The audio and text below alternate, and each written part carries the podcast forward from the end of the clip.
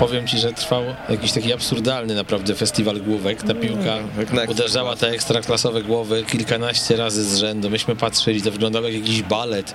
Jeszcze powinna być jakaś muzyka, nie wiem, trzeci koncert Rachmaninowa, coś Beethovena albo tararararam, pam pam, pam pam. I oni mi tak uderzali, pam pam, pam pam głowami. Tararada, tarada. Ależ my nie umiemy śpiewać. Weszło FM. Najlepsze radio sportowe. Witajcie kochani, wracamy do poniedziałkowej pory. To jest pora zarezerwowana dla Weszopolskich i tak już będzie do końca świata. Będziemy do końca świata w poniedziałek, chyba że znowu będą Igrzyska Olimpijskie, to wtedy nie. E, będziemy dzisiaj rozmawiać o piłkarstwie polskim, o Ekstraklasie, o pierwszej lidze z Leszkiem, Dobry wieczór. z Pawłem. Będą jeszcze igrzyska. Kiedyś tak. I będzie koniec świata kiedyś. No to już wtedy przestaniemy nadawać. Za rok, już tak za rok, przestaniemy za rok nadawać. są igrzyska. Chyba, że będziemy jak... A za trzy lata koniec świata. Ale zimowe są, wtedy nie gra jak. Już koniec świata za trzy lata? Tak. No to słabo, bo Zagłębie Lubin sobie rozpisało plan czteroletni. Ja wiem. A, za rok jest Tak, mundial. czy to tak źle? A czteroletni. Czteroletni. Muszą skrócić. Trochę, trochę może to wszystko nie wypalić. I Szymon? Ze mną dzisiaj nie porozmawiacie, bo y, mam zły nastrój. Szymon jest najbardziej obiektywnym dziennikarzem w tym kraju, co zresztą widać po jego stroju. Przepraszam, y, Jakub Olkiewicz nosił koszulki ŁKS-u, a Paweł jesteście koszulki y, Słowacji, więc wszyscy jesteśmy obiektywni. Ja zdradzę kulisy. Szymon jest największym w Polsce fanem Ruana z Radomaka. Y, To jest skandaliczne po prostu. Ja, jakbym tutaj stał teraz, to bym zaprezentował, jak powinien wyglądać profesjonalny piłkarz ekstraklasy. No, no, no tak.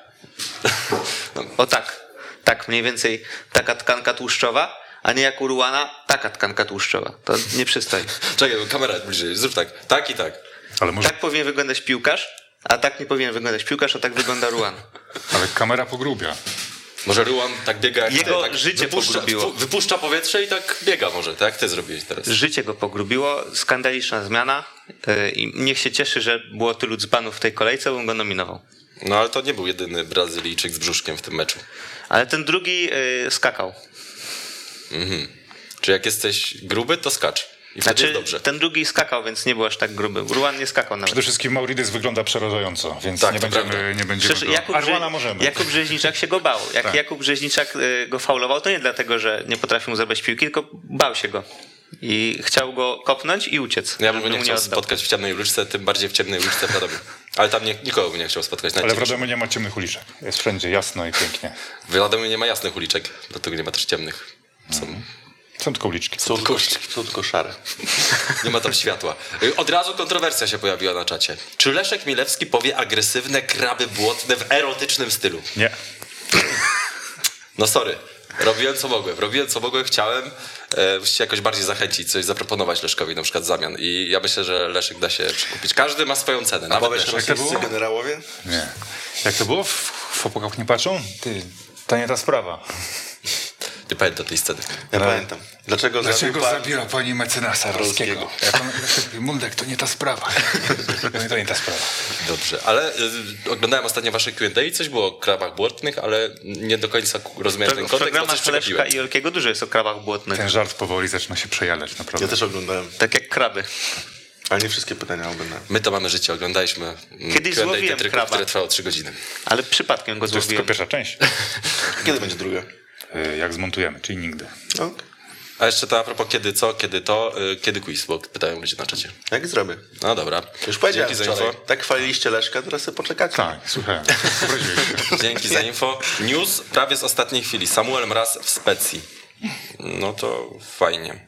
Ale w restauracji czy w klubie? Taki żart Jest zarzuca. taka specja, restauracja? Którzy jest restauracja? Ze specjał to jest. Ze specjałami. W fabryce piwa specjał. Mm, no tam by się nadał. To w Elblągu. Tylko by nie trafił tym piwem do kufla. Skąd wiedziałeś? Ponieważ w Gdyni to jest bardzo popularne piwo. Więc Biorąc pod uwagę, że jest z Elbląga i rzeczywiście lepiej smakuje w Gdyni niż w Warszawie i w Warszawie ciężko dostać piwo specjal. No dobra. To w Ale takim taki razie- program mi się podoba. Leci. Gadamy o różnych A rzeczach. był kiedyś taki dowcip o nosorożcu z Elbląga. Ale Tego na nie przykład opowiem. y, Dlaczego? Po programie ci powiem. Dobra. pewien lokalny bro- browar z Lublina też dużo lepiej smakuje w Lublinie niż w reszcie Polski. No tak to jest z browarami właśnie. A lokalny browar z Jędrzejowa jest sprzedawany nie w Jędrzejowie, tylko w całej Polsce na sklepach W stacji. Jędrzejowie nie można go kupić. Jest na jednej stacji tylko, bo jest stacja go Bo jest tylko jedna A stacja wszędzie, w bo w każdym sklepie wszyscy go pili. Nie jedna stacja. Dobra, nieważne. Porozmawiajmy o, Bardzo ważne. piłkarstwie polskim, proponuję. Ja bo o browarach wolę. Piłkarstwo jakbyśmy polskie. zrobili Piłkarstwo program polskie, o opinia. browarach naszych lokalnych, to myślę, że to by się lepiej poniosło niż program No niż polskie. na Ja mam szczerze mówiąc więcej do powiedzenia o browarach. Założył, założył wtedy koszulkę czarnego kota, a nie y, Radomiaka. Jednak o piłkarstwie polskim. No dobra. Muszę was zasmucić. No dobra. Dobrze, co chcesz wiedzieć? Co chcę wiedzieć? Dlaczego tak się stało? Dlaczego doszło do tego meczu? Dlaczego doszło nie tyle do tego meczu, co może to nie była zła kolejka. Była taka kolejka niezła, taka poprawna, w porządku. Ale miałem wrażenie, że te pierwsze dwie kolejki to tak szły trochę na fali euro. Było ciang, było pong, było trach, było pach. Wszystko tam było. I gole, jakieś przypołowe akcje, jakieś zwroty akcji, jak czerwone kartki, naparzanka, no wszystko się działo. zapykanki. A tu była taka Ale- zwykła kolejka, ale kolorowo się kręciło. z, z obracało. Ale na przykład w meczu Śląska z Lechią na sporo się działo. I też było takie boom rachciak, bo był na przykład zmarnowany rzut karny i No tak, no, z. Wisły, Wisły z, Piast, z Rakowem też się sporo działo, no jasne. Z Warta, Górnik też na swój sposób był bardzo interesującym No średnia była ta kolejka, no. Ale tak ogólnie, no to już nie było takich fajerwerków. Coś poszło nie tak. Zmęczenie, se, się zmęczenie sezonem. Nie zapominajmy, że to już jest y, trzeci tydzień rozgrywek. Pierwsze trudy dają się we znaki. Nie, no nie zapominajmy, że mówimy o 30 lidze, czy tam 29 w Europie. I mimo, że nasza sytuacja się zapewne poprawi jeszcze, To jest ponieważ Liga Mistrza Świata. E, to jest Liga z Mistrzem Świata. Mistrzem Świata. Tak. Natomiast no, takich kolejek gorszych niż kolejek lepszych to będzie e, więcej i wspomnijcie sobie moje słowa w okolicach 25 kolejki, kiedy drużyny e, 7 e, 13 nie będą o nic grały i będzie, będzie, będzie takich paździerzy. Kluczem do naszej ligi jest to, żeby nie złapać serii nieudanych kolejek, bo wtedy już jest źle. Jak jest taka, przeplata się dobra kolejka ze słabą, to idzie przeżyć. A jak już jest seria takich słabych kolejek, to już jest źle. Jeszcze nie zwracamy uwagi na to, że gra e, więcej drużyn, ale uwierzcie mi, że tak e, wczesną wiosną będzie to widać. To było takie równanie teraz. Te pierwsze dwie kolejki były tak dobre, że musiała się zdarzyć gorsza. Po prostu. Nawet Nie mogło być aż tak dobrze. Czyli nie bijemy na alarm, alarm jest wszystko jeszcze w porządku. Nie, to jest słaba liga, to będą słabe kolejki. Natomiast ten ostatni mecz był taką no, smutną puentą tej całej kolejki, bo oglądało się to co najmniej średnio. I no jak to w Ekstraklasie. Radomiak jest na, był na fali, fajnie sobie wszedł w ligę, e, zremisował sobie z Lechem, pokonał sobie Legię. E, Nikt nie zakładał, że takie wyniki Radomiak będzie wykręcał i tak imponująco grał w piłkę. I przyszła Wisła Płock, czyli drużyna, która jeszcze nie, to nie tyle, że nie wygrała, co w ogóle nie strzeliła żadnej bramki w tych dwóch pierwszych kolejkach. No i, no i co? No i Radomiak się dostosował z tylem. Szczerze można było się spodziewać, że akurat po takich dwóch dobrych występach przyjdzie taki mecz z Wisłą Płock. Dość bezbarwny. Karol Angielski dzisiaj na weszło mówił, że jakby ktoś mu powiedział, że jakbym będzie miał cztery punkty razem z kolegami po dwóch meczach, to powiedział, że ten, ten człowiek oszalał. No Więc to wszystko... No i ma cztery punkty po trzech kolejkach, to już prędzej był To już tak, no to, to jest dokładnie. Chociaż mówił, że Legia zlekceważyła Radomiaka, Lech nie. No mieli trochę szczęścia i bramkarza w niezłej formie. I Znaczy- Matkę Boską na poprzeczce. Tak, masz Matkę Boską na poprzeczce. e, Tak zwana Matka Boska poprzeczkowa. To trzeba znaczyć na Twitterze poprzeczka. Tak. Ale nie obrażać już pani, bo się załamie. No i taki, Pójdzie w końcu na policję. moim zdaniem to bardzo logiczny wynik. No, logicznie też dlatego, że y, Radomiak stracił gościa, który pociągnął go do tych czterech punktów w dwóch spotkaniach, czyli Filipe Nascimento i dzisiaj ewidentnie było widać, że po pierwsze brak kogoś, kto czyta grę w defensywie, po drugie brak rozgrywającego, no i brak takiego tempa akcji ofensywnych. Tam się nic nie działo. Oni mieli jedną e, akcję taką cie- ciekawszą, przy czym to była laga przez całe boisko puszczona przez Michała Kaputa do Karola Angielskiego. Komentatorzy mówili, że to była setka, tak się troszkę z Leszkiem nie zgadzaliśmy, że to była setka, bardziej pięćdziesiątka, e, ale Karol, dobrze. ale Karol Angielski nie e, przyjął jej jak trzeba. Szymon, ale ta wielkość Radomiaka oparta, jeśli jest zbudowana na, na cimento, to, to, to, nie, to nie wygląda za, Dzisiaj, za był, solidnie. dzisiaj wielki był Z całym Ruan, szacunkiem ale dla niego. dzisiaj wielki był Ruan, ale niestety nie w te strony, co miał być wielki, więc no tak to wygląda. Ale A myślę, to może że być trochę ogółem- takie dorabianie teorii, że brakowało nas Cimento, zdarzył się gorszy mecz, to że pewnie przez niego. No na pewno był odczuwalny ten brak, to, to jest oczywiste, był najlepszym piłkarzem Radomiaka w pierwszych dwóch meczach, ale czy aż tak wpływowy jest to piłkarz, żeby cała gra się No zawalała moim nagle? zdaniem on jednak bardzo mocno regulował tą grę w środku pola. To, to, to Dzisiaj było nie widoczne. wystawili środkowych pomocników, no tak to trzeba uznać. Może Michał Kaput miał pewne przebłyski, po których myśleliśmy, że może się zrehabilituje, no ale jednak no, ta strata z początku meczu, kilka jeszcze jakichś groźnych fauli, groźnych strat, bardzo słabo to wyglądało i też Mateusz Szadecki, który no, no nie był to dobry pomysł, mimo że trochę z konieczności też przesunięty Mhm. na ósemkę, no ale no, no nie wypaliło to ani w odbiorze, ani, ani z przodu y, nic nie dało, więc no Radomiak wyszedł bez środkowych pomocników, Wisła Płock wysła, wyszła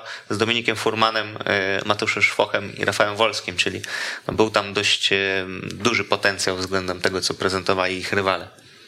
Mhm. No właśnie, a propos Wisły Płock, to no, jakby patrzymy na tą linię pomocy i od razu się rzuca w oczy to, że to są tacy piłkarze, którzy grają nie tyle dobrze, co też efektownie, e, którzy no, prezentują jakiś tam luz, e, potrafią ładnie zagrać, ładnie podać, e, a, a no, nie oglądamy tego w Wiśle Płock. Znaczy było to widać na pewno w dzisiejszych akcjach Rafała Wolskiego, bo fajnie się rzeczywiście rozkręcał. No niestety znowu się potoczyło tak, jak często się toczy w życiu Rafała Wolskiego, czyli musiał zejść ze względu na uraz. Ale no jednak ta linia pomocy jakoś funkcjonowała, tak, tak mi się wydaje, że no jednak bardziej mnie martwi, jeśli chodzi o Wisłę ta dysproporcja między pomocą, a tym, kogo mają na ataku i kogo mają na obronie. Bo moim zdaniem jednak Kuba Rzeźniczak dzisiaj no nie do końca sobie radził. E, No i jednak jeśli wpuszczasz Sekulskiego e, w dowolnym momencie meczu, no to to, to nie brzmi e, jak jakbyś miał zbyt No, dużo Sekulski. Sekulski brzmi jak typowy transfer napastnika do Wisły Płock. No tak, jak kompletowali tą e, linię pomocy, to spodziewałem się, że pójdzie również jakiś większy standard również jest- w tym ataku. Tak? to jest taka- Sekulski, tak, transfer taki no już jako podobny. To jest taka drużyna w Ustaw Ligę, której y, nakupisz tych gwiazd na przykład do pomocy, żeby ci zrobili punktów, a później pakujesz to, co ci zostało w resztę zespołu.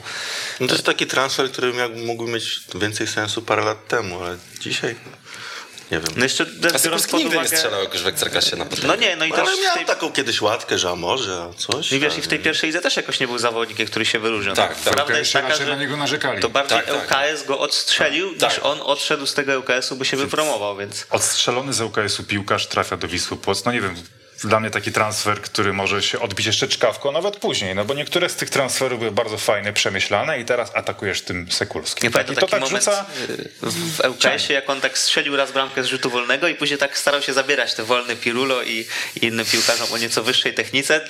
Nie powtórzył swojego wyczynu, y, nie wiem czemu. A ja mam pewne podejrzenie.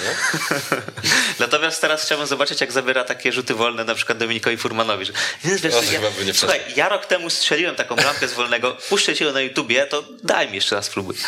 Pamiętasz, listopad 2020.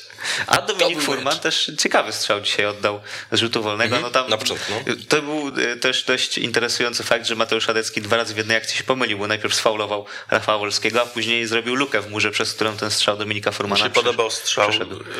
y, Leszek, go cofałeś dzisiaj. Tak, to Jak był ogląd- Jakubik? Chyba Jakubik, który oddał strzał y, z 40 40 metrów, mimo że na linii tego uderzenia było no, z 20, tak, tak, łącznie z sędzią.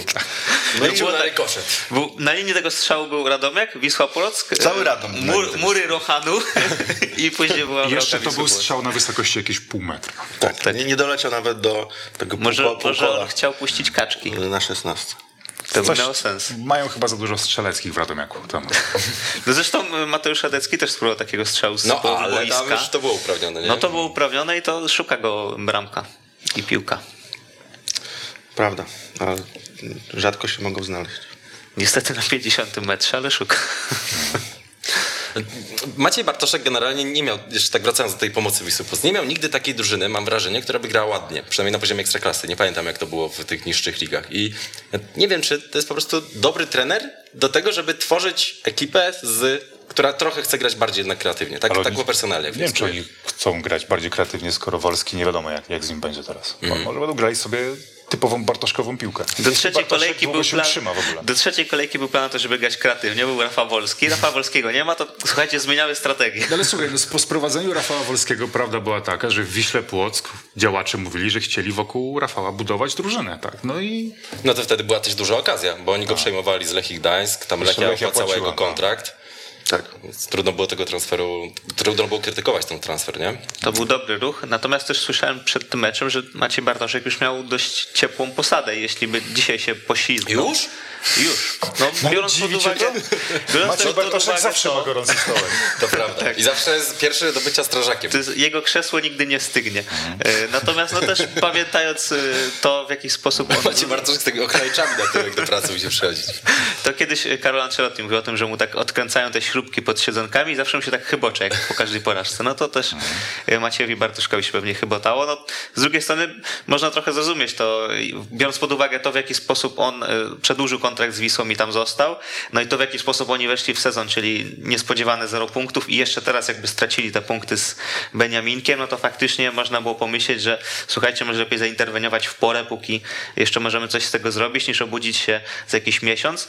No, pewnie też nie byłoby tak, że od razu przegrywa i, i wyratuje, no ale jakieś pewnie ostrzeżenie by tam zostało wydane, czy, czy jakieś może nawet ultimatum punktowe na najbliższe kolejki, no ale myślę, że się uratował i też yy, może coś jeszcze z tego wyjdzie, nie skreślajmy, chociaż tak patrząc czysto na grę dzisiaj, no nie zanosiło To się. Upychanie kolanem.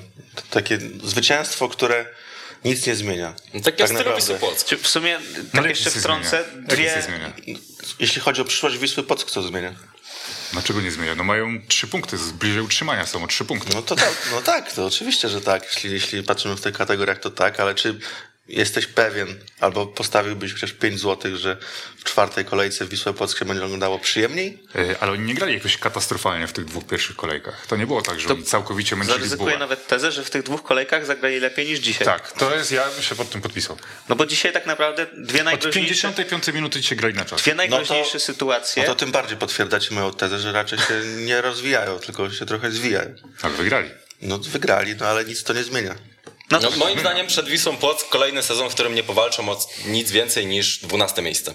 Ale, no, panowie, na, to, na to się ale jest też ta tło, że rzeczywiście tam jest wymieniona ekipa, jest profesjonalny scouting budowany wreszcie, tak? Tak, jakby- masz prezesa, oczywiście. któremu o coś chodzi, masz dyrektora sportowego wreszcie. tylko to potrwa jeszcze to długo. jednak trzeba patrzeć na ten sezon z jakąś choćby minimalną dozą przychylności, że to jest Wisła, pod Mhm. która nie próbuje transferów na zasadzie, a bo Iram Cabrera 5 lat temu szczelił gola, to go weźmy, nie? Tylko oni coś chcą zbudować, tak? Rozbawił mnie dzisiaj- rozbawił mnie No, dzisiaj trochę na tej zasadzie przyszedł. Jak e, Karol Angielski właśnie w wywiadzie powiedział, że Marek Jóźwiak zakomunikował mu, że ściąga mega kozaków, którzy są z miejsca do pierwszego Mega składu. petardy. Mega petardy. Mega petardy, I nie tak. ma już dla niego miejsca w zespole. I ściągnął, kogoś ściągnął. Kapiszony.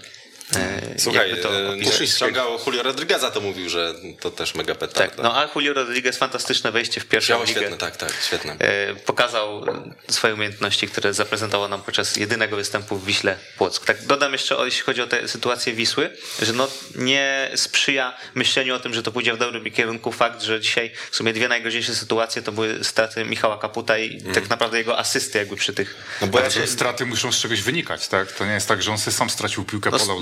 Straty głównie wynikały z tego, że. Michał Kaput, mimo że jest dobrym graczem, którego cenię, to ma tendencję do tracenia piłek przed własną ja się- bramką, co ja nie jest dobre dla defensywnego pomocnika. bo ja się zgadzam z tobą, że tam jest nowy dyrektor sportowy lepszy, prezes podejrzewam, że też lepszy. E, chociaż nie uważam, żeby Jacek Kruszewski robił złą robotę akurat. Mhm, To, to oczywiście. E, no, parę razy się pomylił, ale ogólnie był porządnym prezesem. E, natomiast sam projekt obecnie pierwszej drużyny jeszcze nie jest na tyle przekonujący, żebym się w tym zakoch- zakochiwał. No tak, ale zobacz w porównaniu do zeszłego sezonu. Tu masz Furmana na przykład, tak, który Ale wrócił. wiesz, W zeszłym też- sezonie sprowadzałeś Cabrerów, sprowadzałeś... Słuchaj, dopiero przed chwilą się naśmiewaliśmy z transferu Sekulskiego, więc tak. No Teraz ten Krywociuk też jest ciekawym zawodnikiem, sprowadzałem z reprezentacji Azerbejdżanu. Nie, no z pewnie, drużyny, ale też- która robiła a- tam, grała w pucharach, tak? On przed chwilą grał, nie wiem, z Galatasaray albo przeciwko Ronaldo w meczu z Portugalią, tak? No to, to nie jest jakiś gościu wyciągnięty z kapelusza. No sam, sam, sam przyznałeś, że jest duża dysproporcja między pomocą a obroną. To prawda, to prawda. Myślałem, że rzeczywiście o, o, do Krywaciuka jeszcze kogoś jakby dokoptują, tak? Bo ta obrona jest y, nieprzekonująca, szczególnie na bokach. No Piotr Tomasik, no najlepsze co ostatnio się przydarzyło Piotrowi Tomasikowi to ten filmik, w którym GTA, tak? No, to było wspaniałe, ale Piotr no, no, no nie przekonuje. No dzisiaj tak żebrał o te faule, że to przykro było patrzeć. To straszne było po prostu. Jakby typowo podejrzewam, że na analizie usłyszał, że Damian Jakubik to jest gość, który tak lubi sobie przyostrzyć, to szukaj fauli. I wziął to zbyt dosłownie do siebie. Jest- Na czacie odbywa się tutaj wymiana opinii na temat koszulki Szymona i powiem tak, zdania są podzielone. Ale wiesz co, powiem ci, tak biorąc pod uwagę koszulki Radomiaka z przeszłości, to ta jest po pierwsze całkiem niezłej jakości, że tak zareklamuję i Ładna też nawet. całkiem ładnie wygląda po prostu. Jest jakiś tam design. Fajne bo- te paski. Bo wcześniej wyglądało to tak dość średnio, a teraz mi się podoba. Ale dobra, nie będziemy o twojej koszulce gadać. Też padło pytanie na czacie, czy Zwoliński w końcu trafi i możemy tym samym przejść do dzbana kolejki, bo myślę, że tam Łukasz Zwoliński mógłby zagościć. Łukasz Zwoliński ma beznadziejną skuteczność, jeśli chodzi o rzuty karne w Ekstraklasie. Wykonywał ich e, Sześć. sześć i jeden trafił raz. I też w Szczecinie, jak był, to chyba nie trafił. Tam ewidentnie Natomiast, taka natomiast presja go gdzieś e, powiedział, że jeśli e, będzie znowu rzut karny i on będzie na boisku, to chętnie uderzy. Ja mam apel, proszę nie rób tego. Oddaj to komuś innemu. No bo nie jest to najlepsze twoje, e, nie jest to twój atut. No Łukasz Zwojeński w dwóch meczach zmarnował pięć sytuacji takich bramkowych. To nie jest e, liczba, która przynosi mu Nie chlubę. jest najlepszy. Ja go dałem do ustaw ligę przed kolejką. Ciekawe, dlaczego tak się wydarzyło. A naj, najbardziej go chyba dobija to, że ten Flavio, którego już e, niektórzy widzieli tylko w roli Jokera, no bo swoje lata ma, wchodzi i, i robi la zabawę gdzieś tam piętką, później przyczynił się do bramki, troszkę może naginając przepisy, chociaż nie było tam faulu z tego, co też słuchałem w Kanal Plus, ale nikt nie zakończy kariery, To jest. Zwoliński. Co rok przez najbliższe 20 lat będzie. To jest sezon Zwolińskiego, a z tyłu Flavio. Ha, i tak będzie wchodził i robił to. Z takimi przerwami na półtora roku w Chorwacji. Jak, w tych, jak w tych memach, że tak Flavio się za nim czai tak za plecami.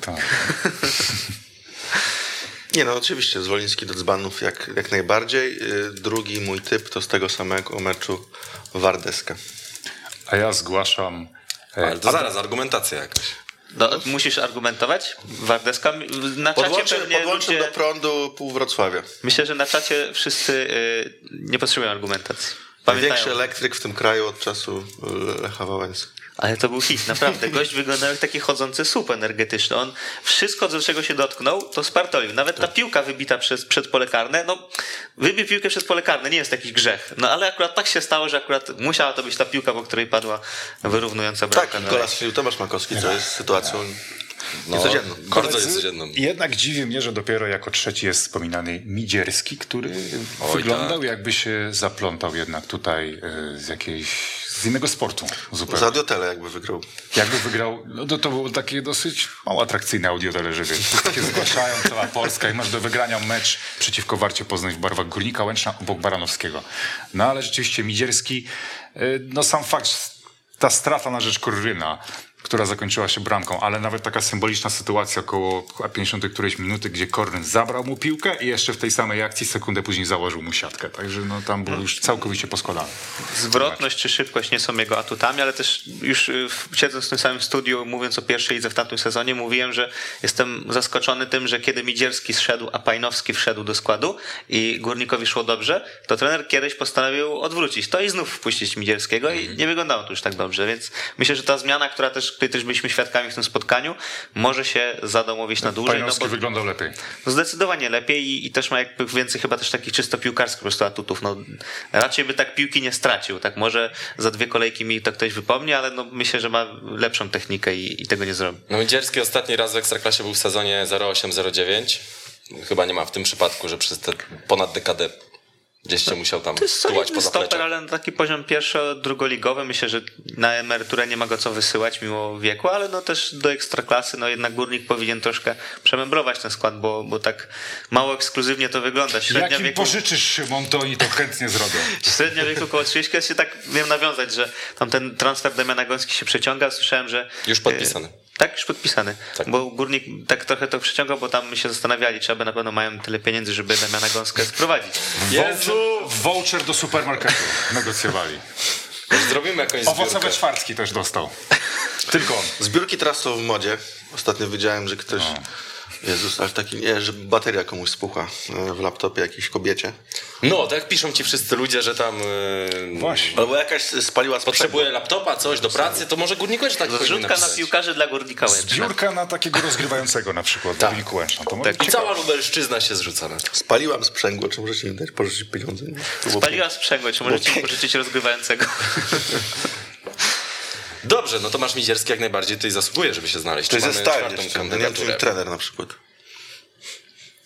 Adam jego, Majewski. jego, jego opowie- wypowiedź po, me- po meczu no. mnie, e, że tak powiem, zdumiała. bo Powiedział, że Nie spodziewał się, że jego piłkarze będą tacy, tacy sparaliżowani, a wydaje mi się, że za- zarabia pieniądze w ten sposób, że powinien się takich rzeczy spodziewać i nie, nie, nie Ja myślę, że wystarczy się spojrzeć na 90minut.pl, jaką masz kadrę i już się musisz tego I spodziewać. nie mówić, że w tym meczu padnie jedna bramka, bo jak dostałeś ty tę bramkę, to już potem no, ja się dziwię, że on nie był sparaliżowany wystawiając taki skład. Tak, to, prawda.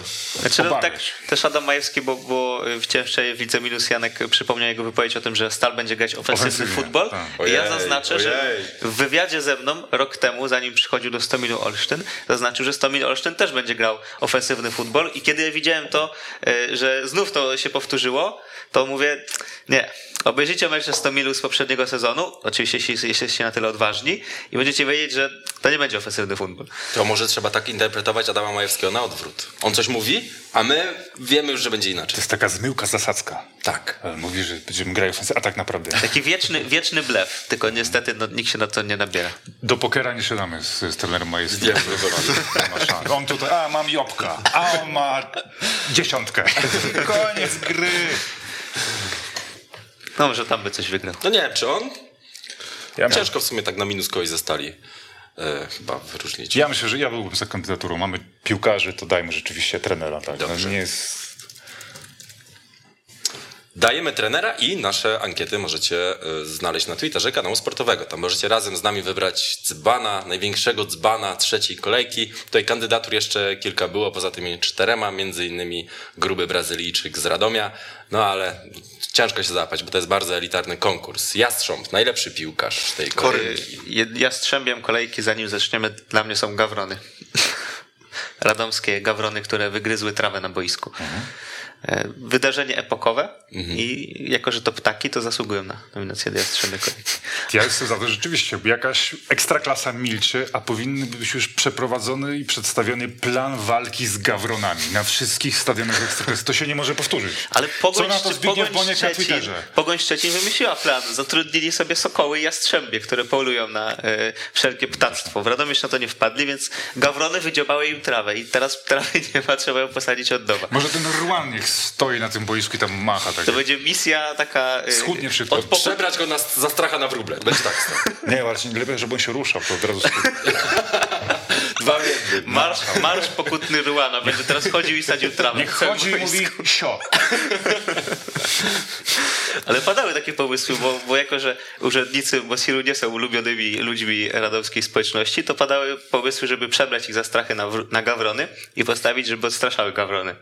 I byłoby lepiej. A o co chodzi z tymi sokołami z Pogoni Szczecin? Kupili sobie sokoły, żeby odstraszały ptaki, które dziebią trawę. Znaczy, generalnie to jest też w Lechu Poznań też jest. To jest dość popularna dosyć, praktyka, tak. Ciekawe. bo no, biorąc pod uwagę to, że taka trawa jest dość żyzna, no to w niej zalęgają się różne soczyste y, mięska dla ptaków. I To prawda. Żdżownice. sobie- Tak. Ja się znam trochę. I jak Gawron- jest deszcz, to one wypełzają. Gawrony chciały sobie zrobić grillu gawrona, więc poleciały na pędraki i przy okazji trochę zjadły się trochę znam na trawki. greenkeepingu. Kiedyś jedna rodzina z Jędrzejowa pojechała bardzo daleko gdzieś tam pod Wrocław kupić dziecku psa. Dziecko uradowane, że ma nowego Jorka i już tak się zaprzyjaźniło i gdy wracali, to przystanęli na stacji benzynowej i ten Jork zaczął sobie biegać i podleciał jastrząb, zabrał go i zjadł. Czy to była rodzina Białków? Nie. Z Jędrzejowa jestem, z Jędrzejowa i to z samego. Dlaczego w Jędrzejowie dzieją się takie rzeczy? Też chciałbym to wiedzieć, mój drogi. E, W każdym razie... Ale oddał, czy... Tak, oddał jastrząb. Ja Może chyba- właściwie go, on go nie zjadł, go, bo chciał mieć przyjaciela. Ja Może. chyba- żyją razem. W gnieździe. W tym gnieździe. Zacznę, zacznę chować moje szczeniaczki, bo to nie brzmi dobrze. Tak, uważaj na jastrzębie, ale nasze Gawrony jastrzębie takie nie są. dzbanów. Jastrzębie kolejki trzeciej takie nie są. Dobra, radomskie gawrony, super. Radomskie gawrony. Jestem za tym. Znaczy to, To był jest żart, super kandydatura. Cieszę Nie się, no, że niech będą. Przeszedł. To będzie dobre, jeśli Gawron zostanie jastrzębiem. Tak. to jest pewna taka his historia filmowa. No i Koryn. Koryn. Jesus Imas za... Bo nie miał ostatecznie liczb, ale miał, miał a może powinien Miał mieć magię. hat-trick asyst piętą. I miał magię w sobie. Wyczyniał cuda na boisku. I myślę, że powinniśmy to docenić, no bo nie jest jego winą, że wszystko spartaczyli koledzy. To prawda. Doceniamy Jesusa i Maza. Kogo, dalej doceniamy, moi drodzy? Jeden mecz mniej w kolejce już ciężko wybrać. Cebulę, może. A to on będzie chyba w Borysiuku doceniony. Ja sobie wypisałem jeszcze Stipice. Także za, generalnie za mecze z Piastem, bo to jest dość dziwna statystyka, że gość grał z tym Piastem sześć razy w, w barwach Pogoni Szczecin i jeszcze nie puścił gola. A Piast Gliwice, przypomnijmy, to nie są ogórki. To jest bardzo solidna drużyna, która takiej Pogoni no, spokojnie Która wypromowała Jakuba Świerczaka na Euro 2020. strzelić. Tak było. I która ma Waldemara Fornanika do 2024 roku. Jestem za tą kandydaturą. Ewentualnie Ławniczak, dwie asysty na stopera, no ale to rzeczywiście był mecz To przeciwko będzie- to Górnikowi będzie Łęczna, więc tak na pograniczu Ekstraklasy. To liczymy jako pół asysty każdą, czyli ma jedną asystę. Tak. Czyli Dante Stipica ląduje. Yy, moi drodzy, Borysiuk. To cebula. Cebula to wiadomo. Jeboa. Czyżycki myślę też. Jeboa? zdaje. tak? Mi też się podobała bramka tak. e, jeba. Chyba już o tym rozmawialiśmy. Coś, coś mi się, coś mi Wy już się gadaliście? Tak. No, jak zanim przyszedłeś, to wymieniliśmy parę słów. Zanim przyszedłeś, to tu wszyscy rozmawiali. A potem ja. Kuba myślał, że jak go tu nie ma, to wszyscy milczą. Nikt nic nie mówi. Tak myślałem. Tak, no i ten Czyży- Czyżycki, nie wiem czy wpisywałeś, ale moim zdaniem całkiem ładne trafienie, drugie w tym sezonie. Jimenez jednak podciągnął tą piłkę też, tak. Zabrał się z nią. To też fakt. No i bramka na wagę jednak Salamon. punktów, tak? Aj, Salamon. No do, bo, znaczy do Borysiuka lepszy wybór niż do Jastrzębia nawet. Czym wybieramy? Gawrona kolejki. W sumie możemy zmienić teraz na Gawrony kolejki. Bo Modric nie reklamował Gawronów, tylko Jastrzębie. Dobra, Cebula, Jeboach, Bartosz Salamon. To może być Bartosz Salamon. No nie wiem, czy ten Czyżycki, czy za Ja dużo wolałbym Jimeneza. pierwiastka poznańskiego i Albo dajemy Jeba. Jimeneza. Jeba już jest, tak? Jeboach już to ja jest. bym dał Jimeneza. Ja też Jimeneza. No to może być. Ale myślę, że miałby ciepło w szatni, gdyby tego nie strzelił. Bo tam Podolski był już tak No tam było przyszykowany na strzał, Znaczy- miejsce miał obok siebie. Ale Podolski to wspaniale. Uwielbiam te momenty, kiedy on mierzy wzrokiem tych zawodników. Była akcja z Dadokiem. Oni razem wykonywali Dadok e, to tam się w ogóle rzut wolny. We dwójkę stali Dadok z Podolskim. Nie? I- I Podolski podał Dadokowi. I Dadok po prostu stracił.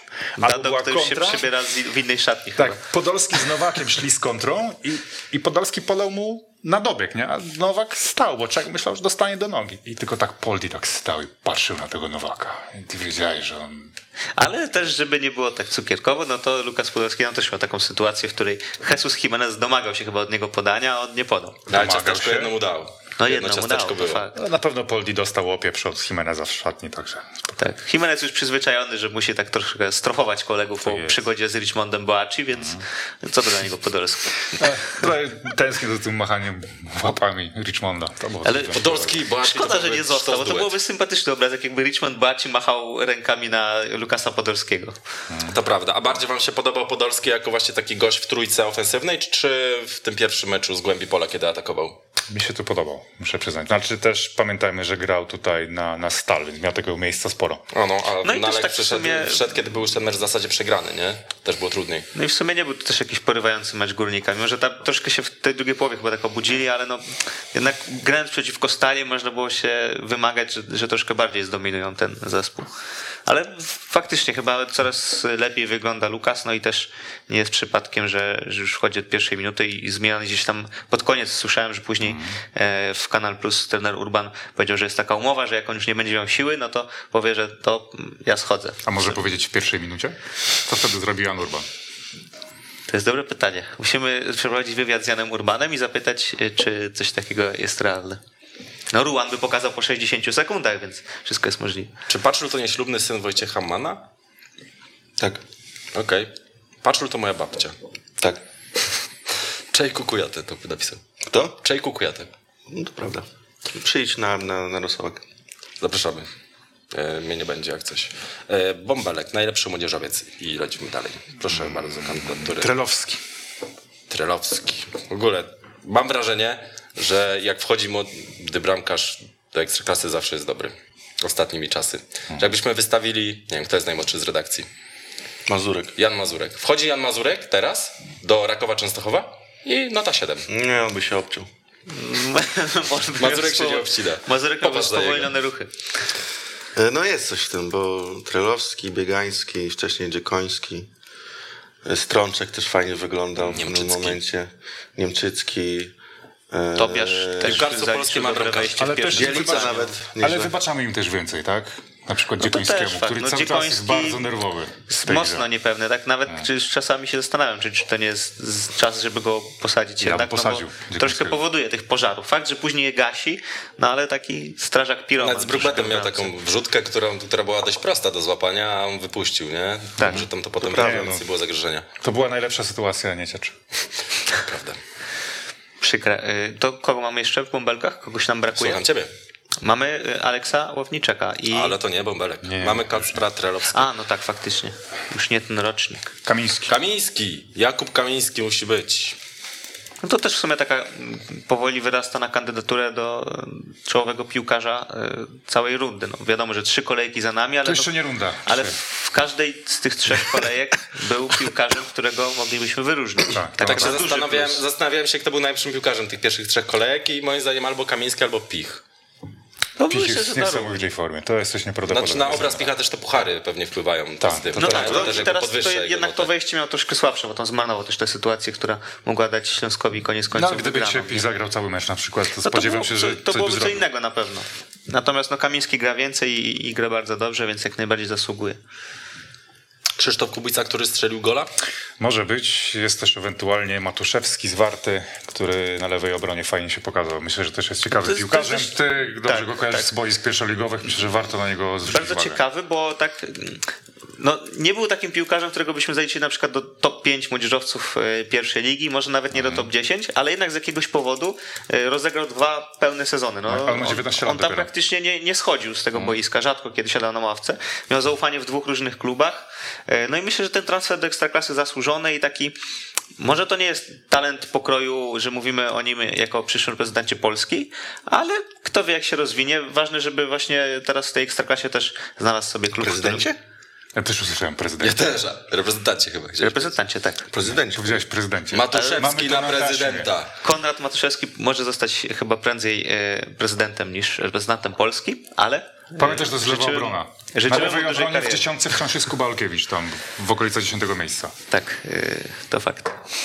Także y, ankiety są na y, Twitterze, zapraszamy do głosowania. Mamy też nominacje do jedenastki kolejki. O, te ankiety już się kończą, bo je wrzuciłem na początku programu, więc to jest ostatnia chwila, żeby zagłosować. Bramkarze Dante Stypica, Kacper Trelowski, Michał Szromnik, Franciszek Plach, prawy obrońcy Tomasz Prikryl, Jan Grzesik, Mateusz Grzybek, środkowi obrońcy Aleks Ławniczak, Bartosz Salamon, Michał Pazdan. Ja chcę powiedzieć, że Mateusz Grzybek jest bardzo ciekawym piłkarzem i będę go z przyjemnością obserwował w, kole- w kolejnych meczach. Tak, bardzo Mogłeś dobry w też- ofensywie. Mogłeś bardzo też na przykład oglądać pierwszą ligę i zostawiać z nami na pierwszoligowca. Chciałem, po, chciałem powiedzieć, że wiem, iż Mateusz Grzybek w trzech meczach z rzędu strzelił bramkę, kradał remis z Brookbetowi. No i ogólnie ma 4 gole i 4 asysty chyba, to jak na prawego obrońcy bardzo dobre statystyki. I Tak. fajnie gdyby grał jako wahadłowy, a nie jako ten taki półprawy, Tak, gdzie tak, zagrał. No to jest też piłkarz bardzo wydolny, bo parę lat temu w GKS-ie Tychy był taki duet Abramowicz-Grzybek, który się właśnie wyróżniał tym, że no, to byli goście nie do zajechania, nie do zdarcia i obaj e, tam chyba w wywiadzie padł, że są jak takie dwa toporki, które tak chodzą jak, e, Jak ma- toporki. jak dwa toporki.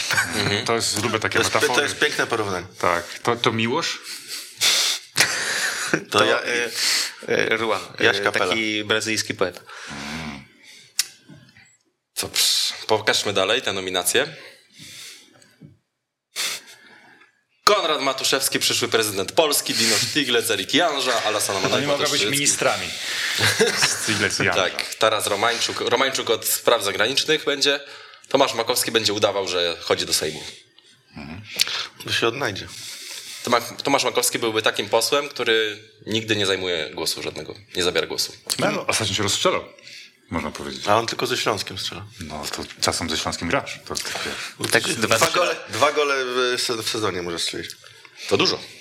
Prawda, chyba że jeszcze w Pucharze Polskim. Kiedyś był Patryk Fryc, który był zawodnikiem e, niecieczy, ale strzelał tyle samobójów przeciwko Śląskowi, że był jednym z najlepszych strzelców Śląska w danej, w danym sezonie. to było to słynne frycowe. Tak. I ostatnie nominacje na ostatnie pozycje to skrzydłowi Milan Koryn. Jeszcze nie będziemy go nazywać drugim Makaną Baku, bo trzeba sobie na to zasłużyć. Ja już nazwałem. Już nie, jeszcze nie. Ja nie pozwałem. Eee, jeden dobry mecz do sobą dobry. No to dużo więcej niż Jan Sykora na przykład. No to prawda, to prawda, ale Sykora to jeszcze wciąż mecz. dużo mniej niż Makana Baku. Sykora miał dobry mecz, jak Fifkę Sep pograł. Jakub Kamiński, Ilkay Durmus, Rafał Wolski, Iwi Lopez, Jesus Imas, Marcin Cebula, Joao Amaral, Jesus Jimenez, Adam Zrelak, Jan Kliment. Ja chciałem powiedzieć, że Ilkay Durmusz bardzo fajnie wygląda. On nawet schodzi na dziesiątkę i coraz więcej odpowiedzialności próbuje wziąć e, w Lech. I w ogóle te skrzydła ciekawie wyglądają. No Zwolińskiego okradł z jakiegoś hat-tricka asyst.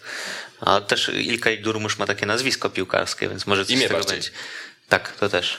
Imię, jest taki nazwisko, znany noga to już jest murowana gwiazda ligi. I Adam Zrelak chyba już po prostu wrócił do jakby formy fizycznej i widać, że to jest już troszeczkę inny I zawodnik. w też widać, że Warcie jakby no, widzieli więcej w tym zawodniku, bo przecież gdyby oceniać go tylko na, przez pryzmat tych wiosennych meczów, to on by w życiu nie dostał szansy. On był słaby, po prostu. Może Mirek żaden Stok nie jeszcze odpali. Chyba nie. Ma jakiś klub? Jakiś klub w ogóle? E, Nie wiem. Ciekawe.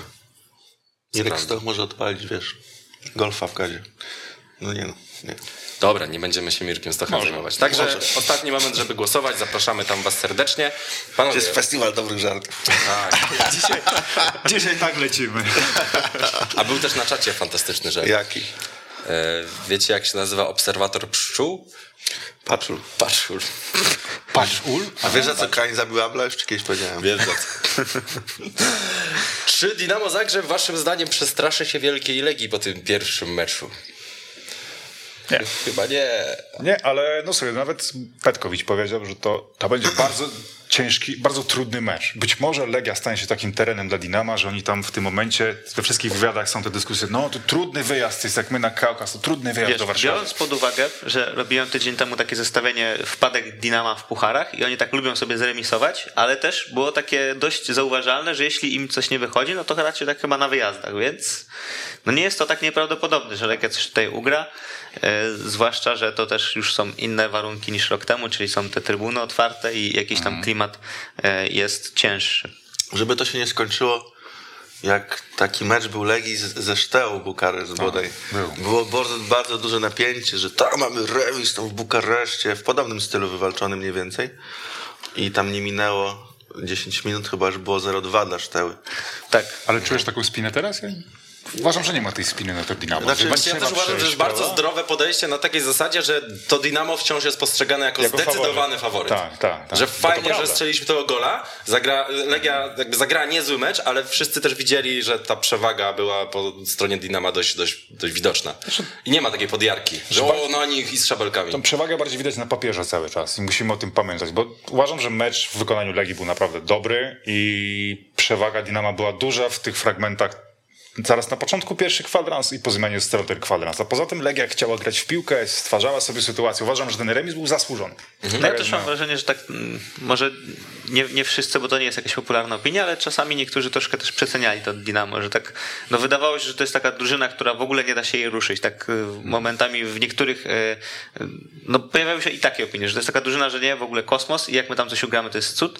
No a tak też do końca nie jest, no bo biorąc już znów się odwołując do tego tekstu, który pisałem, to to jest zespół, który ma dwa zwycięstwa w 10 lat w Lidze Mistrzów i, i też nie jest tak, że on tam co To roku są gra. eliminacje.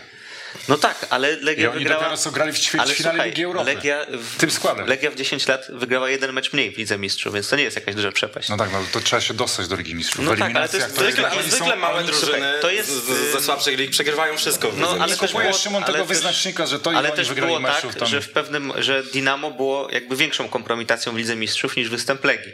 Były takie opinie, kiedy Legia kończyła swoją No ale to przygodę. wiesz, to też jest trochę ciekawostka historyczna. Jakie to ma znaczenie? No to, jest. że 5 sezonów Yy, temu Dinamo coś ja- nie ja wygrało. bardziej Nigdy. do tego, to naszego jest- regionu najważniejsze jest dostać się do Ligi Mistrzów, a nie Ja tam wyniki piję, ja to są piję do tego, że to jest zespół bardzo mocny, ale też na poziomie takim bardziej chyba e, silnej drużyny z Ligi Europy niż drużyny z Ligi Mistrzów. Czyli też są do zrobienia przy sprzyjających warunkach atmosferycznych, które na pewno w Zagrzebiu sprzyjały.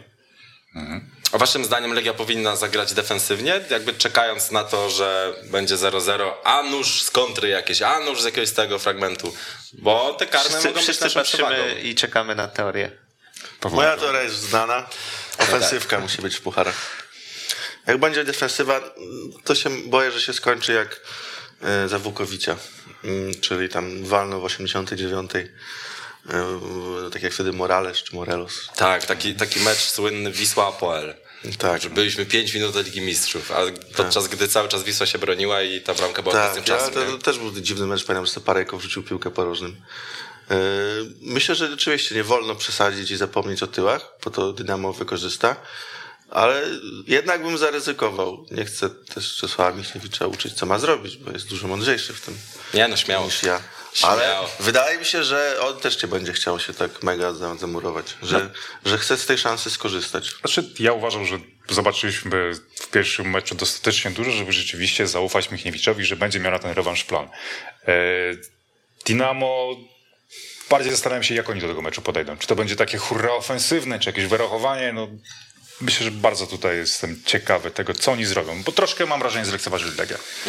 No też patrzymy na Legię i widzimy, jak na przykład Lukinia z poprzednich rundach się bawił i też ciężko się spodziewać, że mając takiego zawodnika do dyspozycji, nagle cofniemy się i jakby zrezygnujemy z tych atutów, które on oferuje, czy, czy też które oferuje Emereli, który fajnie wygląda z przodu i potrafi coś zrobić. Nawet ten Muci i te jego strzały z dystansu, e, które mogą się chyba stawać powoli jego znakiem firmowym. No to też jakby jak nie zagramy ofensywnie, no to tego pewnie nie będzie, więc nie ma co tutaj e, stawać za podwójnymi okopami. A jak wy postrzegacie ten odwołany mecz, przesunięty mecz z Zagłębiem Lubin? Normalnie, słuszna decyzja. Natomiast y, dodając nutkę niepewności, widziałem, że w Czechach rozgorzała podobna dyskusja na temat przełożenia meczu i teraz nie wiem, czy Slawi, czy Sparty, bo mi się zawsze mylą. Tych z Natomiast- Pragi. Tak, tych z Pragi. Tych dobrych. Ci z Pragi chcieli przełożyć mecz i niektórzy się też oburzali, że jak to tak możemy komuś patrzę na przekładać mecz. w Holandii przekładali. Więc, a tak właśnie, bo się zastanawiałem, czy w innych krajach też jest taka dyskusja. Na przykład Ferencvaros przekłada mecz i wszyscy się zgadzają, że tak, no bo to dobro węgierskiej piłki, czy jednak Ferencvaros przekłada na, mecz, na pewno się oburzają. a no bo wszyscy mówią, że nie, to jest skandal i Ferencvaros powinien grać. Bo... Zagłębie Lubin też chyba nie jest zadowolony tym, że będzie musiało grać ten przełożony mecz, no ale w pewnym momencie musisz no jednak nie iść na kompromis, tylko podjąć jakąś decyzję. No, w wielu krajach jakby z naszych rewirów rankingowych przekładane są te mecze, dlaczego mamy tego nie No robić? tak, to jest normalna decyzja, ale też mówię, po prostu mnie ciekawiło, czy w innych krajach jest ona tak samo mocno kwestionowana, czy jednak tam jest podejście na zasadzie, że nie, spoko, nic się nie dzieje, bo przecież ta liga to i tak kiedyś zagrają, nie? No, Zagłębie Lubin dostanie rekompensatę w postaci e, utraty najlepszego zawodnika na rzecz Legii, więc myślę, że to jest uczciwe rozwiązanie. Mam wideo, mamy wideo, y, które pokazuje, jak Raków powinien zagrać w rewanżu. Tak powinien zagrać. Właśnie tak. Z Rubinem Kazań oczywiście rewanż.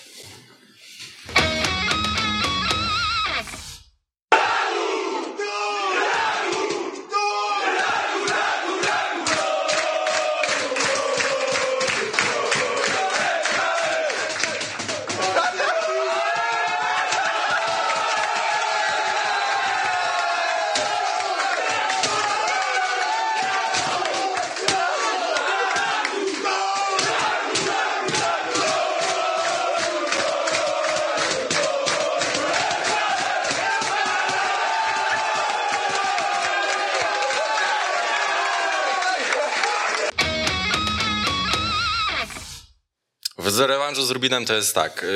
Yy, Raków to jest ten Marek Papszu, ten taki bez koszulki, który ten, a Rubin Kazań to jest ten dach, który demoluje. Ten sufit. Ja mam słaby wzrok, ale też zwróciłem uwagę, że niektórzy tak stali tak nieprzekonująco tak klepali te... Nie ma Team Tak, Spirit. I raczej tak nie wygląda. Atmosfera- Poza kadrą, na drugim meczu. nie ma Atmosferka siada, szatnia stracona, konflikt w Nie drużynie. buduje relacji. Moim zdaniem nie wszyscy tak głośno Bystre, stukali bystre oko Leszka Milewskiego to dostrzegło. To jest jastrząb kolejki. Tak jest. Ciężko będzie bez napastnika zagrać. Tak.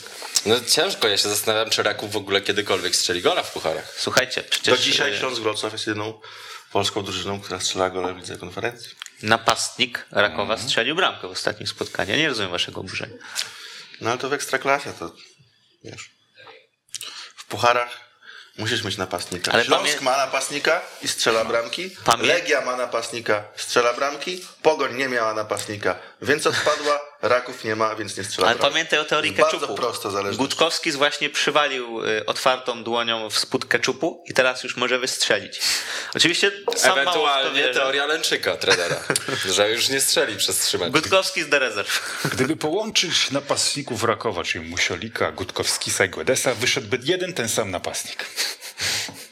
I to nadal nie byłby napastnik. Siedem goli. Nie no, jeszcze nie znamy dobrze Guedesa, być może on będzie lepszy. Możliwe, natomiast jest to już powoli irytujące, że klub, który tak prężnie się rozwija, ma pomysł właściwie na wszystko, nie może sobie ściągnąć napastnika, a jednak w futbolu chodzi o strzelanie bramek. Ale też mam wrażenie, że Raków ma takie trochę inne podejście podczas tych meczów. Żeby nie strzelać Takie bar...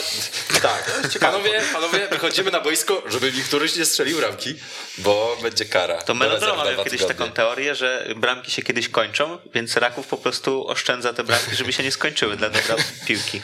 Może tak jest. Nie no, ale mm, jest jakby taki bardziej wyrachowany, bardziej defensywny, bardziej ostrożny. W sensie, że przede wszystkim nie chce stracić gola i to też było zwłaszcza w tych meczach z Sudową widoczne. Ale słuchaj, A- oni grali z Litwinami i nie chcieli stracić bramki z nimi. I przez to jest duże prawdopodobieństwo, że skończy jak pogoń. Czyli no niby fajnie, no bo zremisowaliśmy, były jakieś nadzieje w rewanżu, no ale walnęli raz i tyle.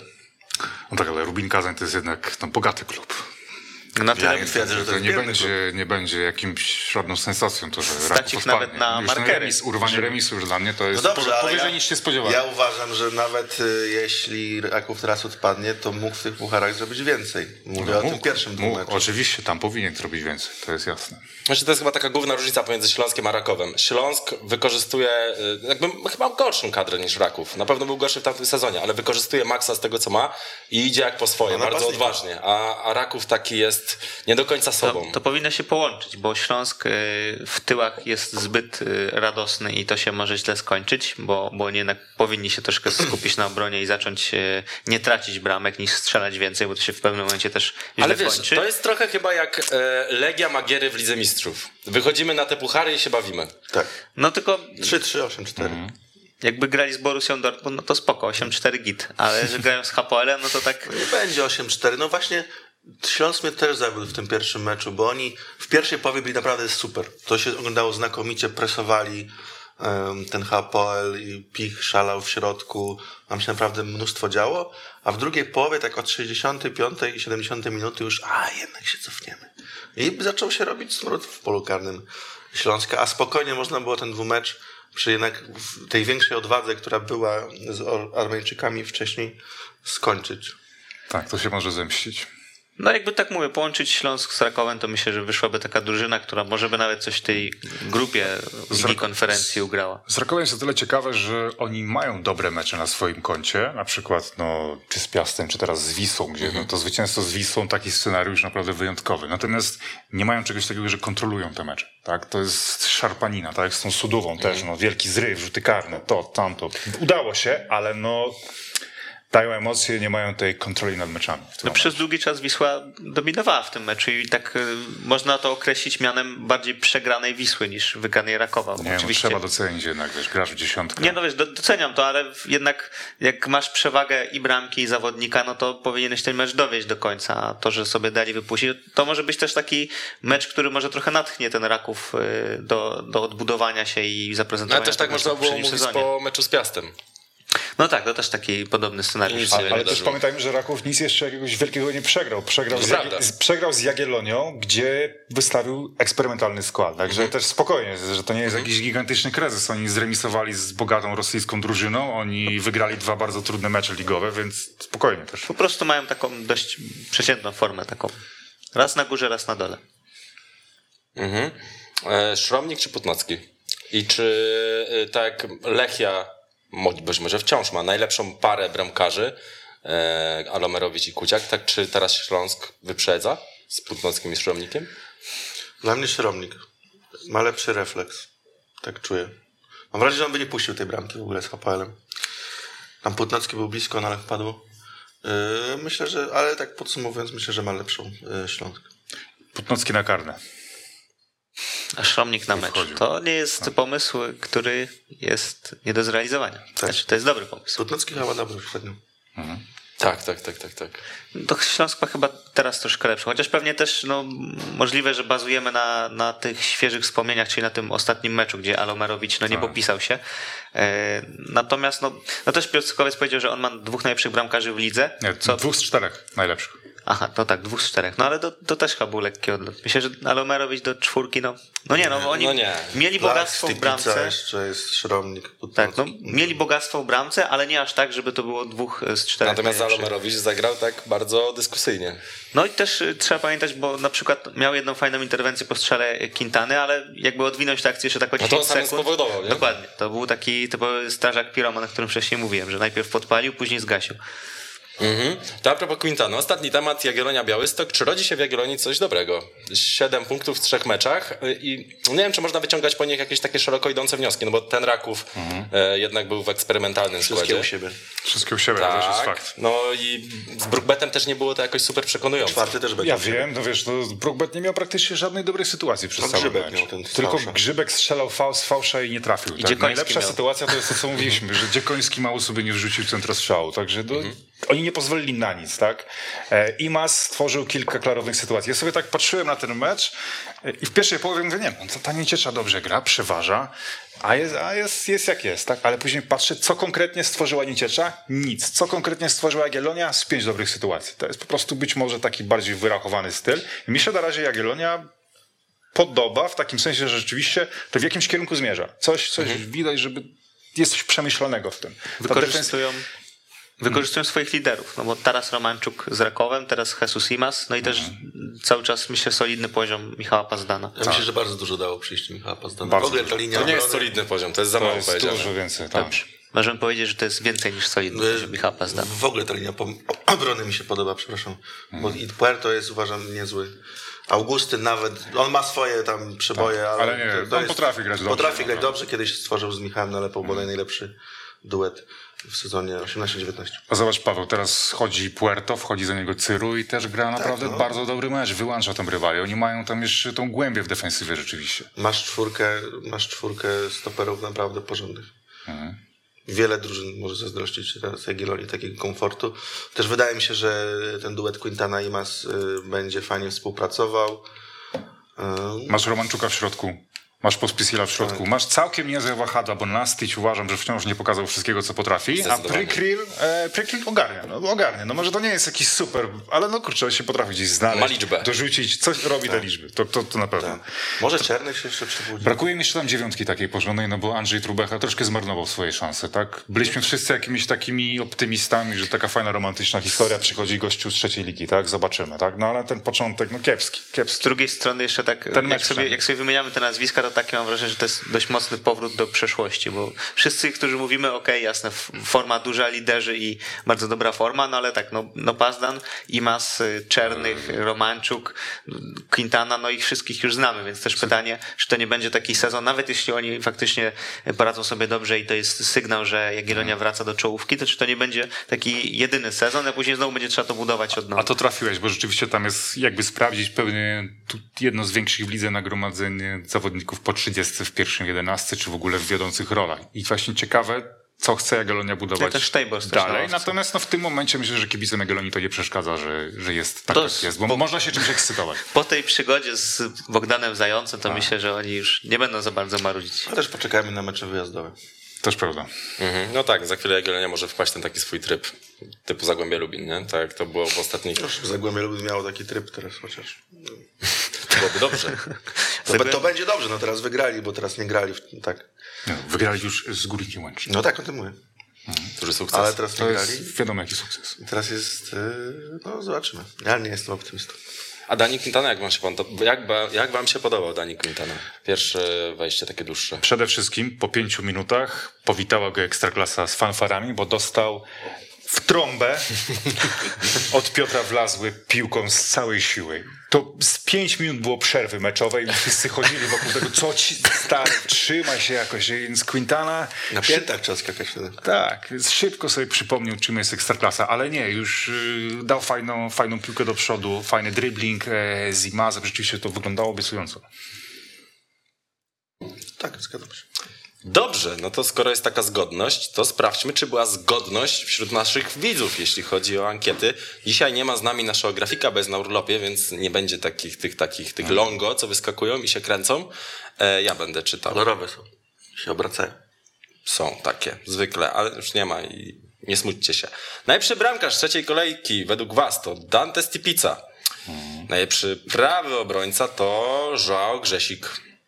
Najlepszy lewy obrońca Dino Stiglec. Tutaj y, te, te poprzednie wybory były w miarę jednogłośne, natomiast tutaj y, 22% dla Janży, 33% dla Matuszewskiego, 44% dla Stigleca. Najlepsi obroń, najlepszy obrońca jeden, bo gramy taktyką z trzema obrońcami. Bartosz Salamon 55%, więc też duża przewaga. Drugi Michał Pazdan. Najlepsi środkowi pomocnicy to Taras Romańczuk i za jego plecami jest trzech y, równo wycenionych niemalże. Czyżycki, Mannech i Makowski, a musimy wybrać dwóch albo skrzydłowych, albo ofensywnych pomocników. E, więc chociaż wśród ofensywnych pomocników też jest bardzo wyrównany poziom. Więc będzie, niech będzie Alasana Manech w naszej jedenastce, waszej jedenastce. Skrzydłowi Milan Koryn i Jakub Kamiński. Poznań tutaj króluje, nie ma co się dziwić. Najlepszy ofensywny pomocnik Marcin Cebula.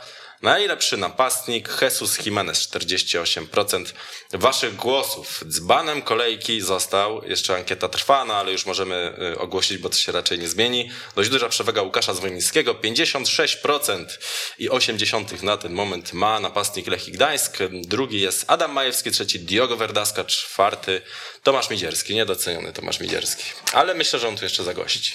No, Diogo Verdawka też się zapowiada, że to nie będzie jednorazowy wyskok. Tak, on już debiut miał taki bardzo No elektryczny. właśnie. Tylko tam się uratowała asystą, a tutaj no w sumie też asystowała praktycznie.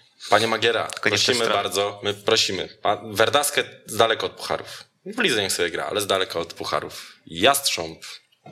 Jak sądzicie? Gawron. Gawron. Gawron. Tak jest. Gawrony zostały A jastrzębie. jednak Radom coś wygra w tej. Czy to będzie jedyne co Radom wygra To sezonie? teraz, teraz cieszynka Mateusza. E, hmm, dobra, tego może nie rozwijajmy. To prawda. Paweł widział Gawrony we Wrocławiu. Już Sami sobie dopowiedzcie. Borysiuk trzeciej kolejki Marcin Cebula, 44% głosów. Drugi Salamon, trzeci Jebłach, czwarty Jimenez.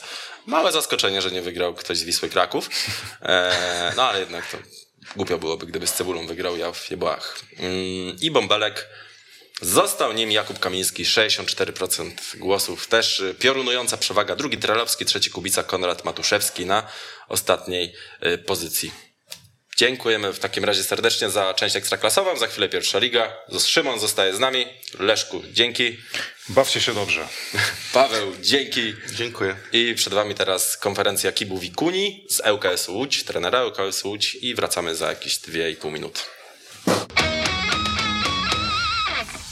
Dobra, jesteśmy zadowoleni, dlatego wy, wygraliśmy trzy punkty. E, to dzisiaj było najważniejsze. Chyba nie jestem bardziej zadowolony, jeśli chodzi o pierwsze, pierwsze mecz, jak graliśmy z Tycha niż, niż dzisiaj. Dlatego dzisiaj było taki ja nie czułem to, kontrolowaliśmy, kontrolowaliśmy mecz, kontrolowaliśmy grę, było taki no atak jedna strona, druga strona. Potem oczywiście liczba, liczba shout jest chyba 21, 7 celny, oni, oni 5 je 2, czyli jest przewaga. Ale dużo możemy poprawić. No, e, przede wszystkim ja nie jestem zadowolony pierwsza, pierwsza połowa. Nie graliśmy, nie graliśmy dobrze. E, za wolno graliśmy w tył. E, możemy grać na mniej kontaktów. Mm, ale czasami taki jest. E, reakcja, reakcja drużyna była dobra. E, było 0-1 i potem strzeliliśmy trzy bramki. Ale nie możemy tracić ta druga bramka, nie? Na taki za łatwo było i inaczej trzy dwa, trzy punkty e, i gramy dalej, nie? Teraz będziemy się gotować na następny mecz, gramy piątek. Jeśli chodzi o motywację i nastawienie, przed meczu było ok, ale coś brakowało pierwsza połowa, to prawda. Ym, szybko strzeliliśmy na 1-1, ale też nie było taki drużyna UKS to ja cię, cię widzieć na boisku, nie? Coś brakowało, przede wszystkim pierwsza połowa. Druga połowa, moim zdaniem, była lepsza. Tak wolno graliśmy pierwsza połowa. Nie graliśmy jak, jak, jak trenujemy, nie? Nie graliśmy jak, jak trenujemy. E, mieliśmy sytuację, ale było bardziej na, dlatego mamy jakości indywidualne niż, niż, niż, e, niż dlatego graliśmy dobrze piłką. Oczywiście, pierwsza bra- bramka była bardzo ładna, to, to tak, nie? Była kolektywna i była, była dobra, ale coś brakowało, no i zgadzam się, to, to mm, nie chodzi o taki posiadanie, posiadanie nie? Nie, nie, graliśmy, nie graliśmy jak, jak powinniśmy grać. I jesteśmy z powrotem. Pierwsza liga. Samuel Szygierski, Etoto TV, meczyki.pl Dobry wieczór. i Adam Sowiński, kanał sportowy. Dobry wieczór. Czy warto interesować się piłkarstwem polskim? I czy- co sądzicie o Gawronach? A, Nie, nie ja- oglądali, nie wiedzą. Powiem ci, ciężki weekend za nami chyba, bo ja nawet... y, Nie, nie, nie. Znaczy mój weekend Ciężki- wyglądał tak, że A wieczorem... co o weekendzie? Pytanie zadałem. Nie, że akurat y, te mecze pierwszej ligi ekstraklasy to były takim dobrym lekarstwem na kaca weekendowego. No, tak to mniej więcej Dobra, nie co tyle nie? sobie To jest, to jest A nie oglądałem, tak. Młode polskie pokolenie. Ja tu wczoraj 40 km rowerem zrobiłem i obejrzałem jeszcze mecze pierwszej ligi, a wy tutaj o Kacu A mówicie. który ty rocznik jesteś? 97. No, no to jak Nie, no młody, to- to... jak ja starszy od ciebie jestem. No to widzicie i ten... Poza No, tym oglądałem cały Radomiak dzisiaj i powiem ci, że no złe to było. Ale to chyba A nie już oglądałeś korony, tak? Nie oglądałem Korony, oglądałem Radomiak. Super. To to przygotowany się odmienia na Samuelu. Też nie To się odmienia, bo to jest wybrać. błąd. E, Ale od korony sobie możemy zacząć, bo już jakby abstrahując od tego meczu z Puszczą Niepołomice wygranego 3-1, e, to, to po prostu dobrze się dzieje w Kielcach, mam wrażenie. Tak jak ja, ja e, jak pochodząc jakby z tamtego regionu, trochę się interesuję, trochę bardziej koroną niż innymi zespołami, już tak jakby nie za czasów mojej pracy dziennikarskiej, także sprzed czasów mojej pracy dziennikarskiej. I nie pamiętam takiego sezonu, kiedy ten optymizm przedsezonowy był taki naprawdę uzasadniony, oparty na twardych przesłankach, że to może być po prostu bardzo dobry sezon Korony Kielce. Bo mi się wydaje, że w końcu tam to wszystko zostało uporządkowane, szczególnie przez e, Pawła Golańskiego, bo te ruchy transferowe w końcu były przemyślane. E, Biorąc pod uwagę tych zawodników, okej, mogło się trochę wydawać, że to jednak są zawodnicy zbyt doświadczeni, zbyt starzy, nie mający e, już chęci udowodnienia czegoś, no ale tak zdecydowanie nie jest, szczególnie jak patrzymy, nie wiem, chociażby na Frontczaka, to jest zawodnik, który zawsze jednak ten charakter e, miał i mimo tego wieku, no to myślę, że on spokojnie jeszcze w Ekstraklasie i nawet tej Pogoni Szczecin dalej by się tak, e, tak. spokojnie Bo przydał, on nawet jak wchodził na, na Tak. mecze w Pogoni Szczecin w To tamtym sezonie, on nie zaniżał Tak. poziomu. I często jakieś ważne gole nawet To strzelał. jest, Tak, to jest w ogóle szokujące, że Korona ma napastnika i nagle wygrywa. No, kto pomyślał, że tak to się potoczy? To No szok. ale też zobacz, cały skład został tak Nie, ale chodzi mi, zbudowany. chodzi mi no masz Malarczyka, o Koja z tyłu, Chodzi mi teraz którzy to wszystko trzymają. bo, bo takiej osoby brakowało w Kielcach i dlatego tam była taka posłucha bramkowa, no bo oni stwarzali czasami sporo sytuacji, no mają kreatywnego Łukowskiego czy Podgórskiego, ale z przodu tam kompletnie nic nie było. No, tutaj Frączczak e, dzisiaj e, dwa, dwie bramki, wcześniej też asystę e, miał, czy asystę drugiego stopnia przy jednym z trafień, więc no to się od razu zmienia i też w sparingach on bardzo dużo wnosił. To już było widać od początku, że no wreszcie z przodu jest gość, do którego zagrasz piłkę i on strzeli albo ci zaliczy asystę i, i to jest klucz do sukcesu jednak w tej lidze. W ogóle mam wrażenie, że Korona Kielce w tamtym sezonie w pierwszej lidze była jednym z takich najmniej yy, lubianych klubów, a na pewno najmniej do polubienia, dlatego że sytuacja z trenerem Bartoszkiem, ten awans e, na dyrektora sportowego, jednocześnie trenera po trzech tygodniach zwolnienie, to było wszystko bardzo dziwne. E, natomiast faktycznie Paweł Golański, który kręcił się przy klubie, który jest klubową legendą, zrobił tam porządek, bo jak popatrzymy na transfery, które jedne już się pokazują jako świetne ruchy, inne pewnie dopiero zaczną. No bo dużo to- też zrobił takich transferów młodzieżowców e, Widzisz, i ale zawodników, młodzieżowców- którzy pewnie będą wchodzić. No tak, to masz raz, chociażby nie, Nojszewskiego z w Ekstraklasie co w grali? ogóle było dużym zaskoczeniem. No przede Natomiast wszystkim przy tym wszystkim też y, nie zapominajmy jednak, że Maciej Gil te swój, swój wkład ma i swoje ciekawe transfery zrobił, no bo Kuba Łukowski czy y, Mhm. Szpakowski to są jego transfery i to są zawodnicy, którzy cały czas się bronią i, i coś wnoszą. No to Dobra, do prawda. transferu sobie jeszcze wrócimy. Mamy gościa z Kielc na łącza. Konrad Forenc, witamy serdecznie, bramkarza Korony Kielce. Dobry wieczór, witam wszystkich. Dobry Konrad, wieczór. aż, aż tak nie swoją patrzeć, jak ty jesteś w herbie Korony Kielce, bo ty jesteś tak z Zagłębiem Lubin kojarzony, że, że aż tak nie swoją nam teraz. No jak mam być cztery, to nie pierwszy raz to słyszę, także, także dużo osób mówi, że jakoś tak nie swoją, ale no przyzwyczaję teraz wszystkich, że to są barwy, których ja bronię i za chłopaków oddam wszystko. Okej, to u was chyba jakaś imprezka teraz słyszeliśmy. Nie, nie, nie, jeszcze, jeszcze spokojnie, jeszcze spokojnie. Jak uda się osiągnąć cel, wtedy będzie imprezka. Okej, ale urodziny strzelca dwóch bramek poświętowane. No widać, że strzelec jest w wybitnej formie i jak wino. To było widać dzisiaj, bo naprawdę no, no Adaś, Adaś co ma to strzela, nie? Oj, Konrad, żeby tylko wino dzisiaj w takim razie.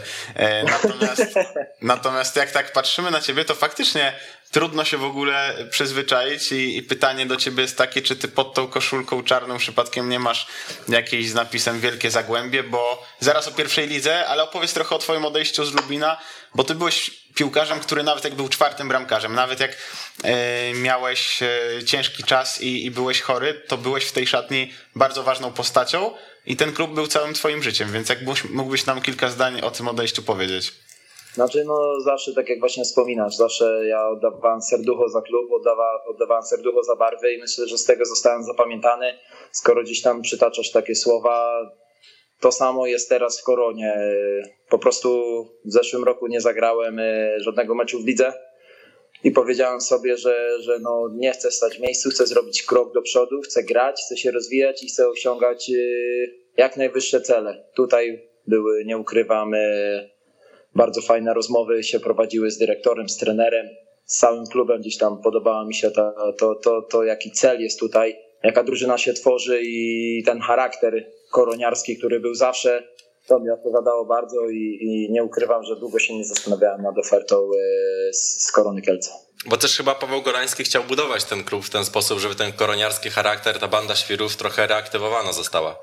No wiadomo, do bandy świru jeszcze nam brakuje, to chłopaki naprawdę, ja sam pamiętam zresztą jak mecze z Koroną wcześniej było, ale mówię, my staramy się tworzyć coś nowego, coś e, odrobinę podobnego i mówię, ale jednak e, najważniejsze wiadomo, boisko nas rozlicza z tego wszystkiego. Jak na razie mamy dwa mecze, dwa zwycięstwa i mówię, pokora, spokój i to doświadczenie, które w drużynie mamy, myślę, doprowadzi nas stopniowo, kroczek po kroczku do coraz lepszej do coraz lepszego spokoju drużyny, no i wiadomo, no, no spokój piłkarski gdzieś tam myślę, że to po raz kolejny udowodniliśmy. Ty mówisz pokora, spokój, no ale też przed wami został nakreślony konkretny cel, tak bardzo wprost, bo w klubie wszyscy mówią o tym, że, że celem jest awans i, i ten awans jest w zasadzie no, no, no koniecznością wręcz, bo jeżeli nie będzie awansu, tam nie wiadomo jak będzie wyglądała sytuacja ze sponsorem. Ty odczuwasz pewną presję z tego tytułu? Znaczy ja uważam, że tak, no presja w piłce i sporcie, no to to jest coś takiego, co nakręca. Ja na przykład to jeszcze czuję się bardziej podbudowany po, po takim czymś, bo w Lubinie ja bardzo często jak dostawałem szansę, to nie dostawałem jej po prostu tak o, tylko musiałem sobie na nią grubo zapracować i dla mnie każdy mecz, czasami nawet sparring był takim, w którym ja grałem o życie, bo zaraz gdyby mi się noga powinęła, to już mogłoby nie, mnie nie być. No i ja wiem, co znaczy granie pod presją. Odczuwałem to wiele razy, ale mówię, to, to mnie nakręca tylko i mówię, tu przyszedłem w jasnym celu pomóc drużynie, no i oddać serducho za, za, za ten klub. A powiedz w takim razie, bo możemy mówić, e, że to jest faktycznie wasza misja, czyli po prostu ekstraklasa w następnym sezonie, natomiast y, rzadko kiedy spotykamy coś takiego, że jest taka rewolucja kadrowa, taka rewolucja wewnątrz klubu, y, a właśnie tak od pierwszej kolejki śmiało mówi się o tym, że y, najlepiej to byłoby po prostu awansować, więc pytanie do ciebie, czy twoim zdaniem to jest realne, żeby tak szybko tą bandę świrów e, złożyć. Pierwsze dwa mecze pokazują, że tak. Znaczy, no na pewno mówię, jak tu przyszedłem już od tych sparingów pierwszych, to, to, to, to, to było widać to, to zjednoczenie. Ja tutaj jak przyszedłem, to ja nie byłem jakimś tam e, elementem, który wiadomo, który musi się dopasować do grupy. Ja to zawsze kojarzyłem e, tak samo jak byłem w Lubinie. Uważam, że jeżeli tworzy się kolektyw, no to jeżeli jest trzon, który coś trzyma, to osoby, które chcą przyjść, muszą się do tego dostosować. Ja tak samo dostosowałem się do tego, co jest tutaj dodałem coś od siebie i myślę, że razem tworzymy co, coś, coś fajnego, a mam nadzieję, że po sezonie będziemy mogli powiedzieć, że coś wielkiego i na pewno będziemy do tego dążyć, bo wiemy, dzisiaj mieliśmy spotkanie, wygraliśmy, niestety straciliśmy bramkę, ale no najważniejsze, że mamy trzy punkty z przodu. A twoim rywalem y, w, o miejsce w bramce jest Marceli Zapytowski. Może nie bramkarz takiej klasy jak Dominik Chładun, natomiast y, młodzieżowiec i też zawodnik, który w poprzednim sezonie bardzo fajnie się pokazywał w pierwszej lidze. Jak się czujesz mając takiego rywala też, który właśnie ma ten atut w postaci wieku, który czasami może sprawić, że no, szkoleniowiec będzie też zmuszony skorzystać z jego usług?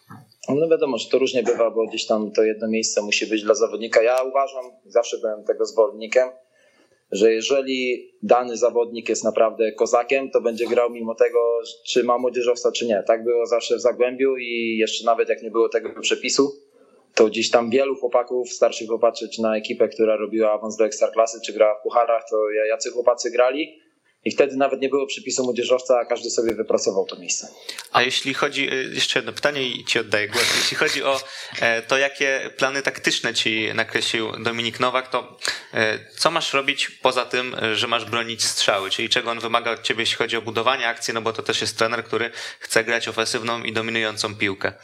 Zgadza się. No na pewno to jest bardzo dobre pytanie, bo, bo, bo, bo wiadomo, Są różne momenty meczów i meczy i gdzieś tam trener ode mnie oczekuje tego, żeby w odpowiednim momencie wiedział, kiedy przyspieszyć tą grę, kiedy tak naprawdę ją uspokoić i grać od tyłu, a kiedy ją wydłużyć. No i przede wszystkim tego ode mnie wymaga, że, że wie, że może na mnie liczyć, że, że jeżeli będzie jakaś piłka, w której muszę wyjść pomóc, to wyjdę i pomogę, nawet jak mam to zrobić ofiarnie. Dzisiaj mi się tak zdarzyło.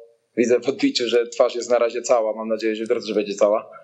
E, nie, nie obita, to, to, to gdzieś tam myślę, że ten balans właśnie, kiedy, kiedy trzeba przyspieszyć, a kiedy wydłużyć tą grę i dać troszeczkę i odrobinę spokoju drużynie, to myślę, że to jest takie największy, największe zadanie, jakie trener Nowak mi przydzielił. Ale dużo będzie takiej krótkiej gry od bramki, czasami też momentów ryzyka, w którym będziecie próbowali, e, może nie za wszelką cenę, ale po prostu jak najczęściej konstruować akcję, wprowadzając piłkę przez środkowych obrońców, tak coś na modę, nie wiem, ŁKS-u, żeby tak to lepiej zobrazować?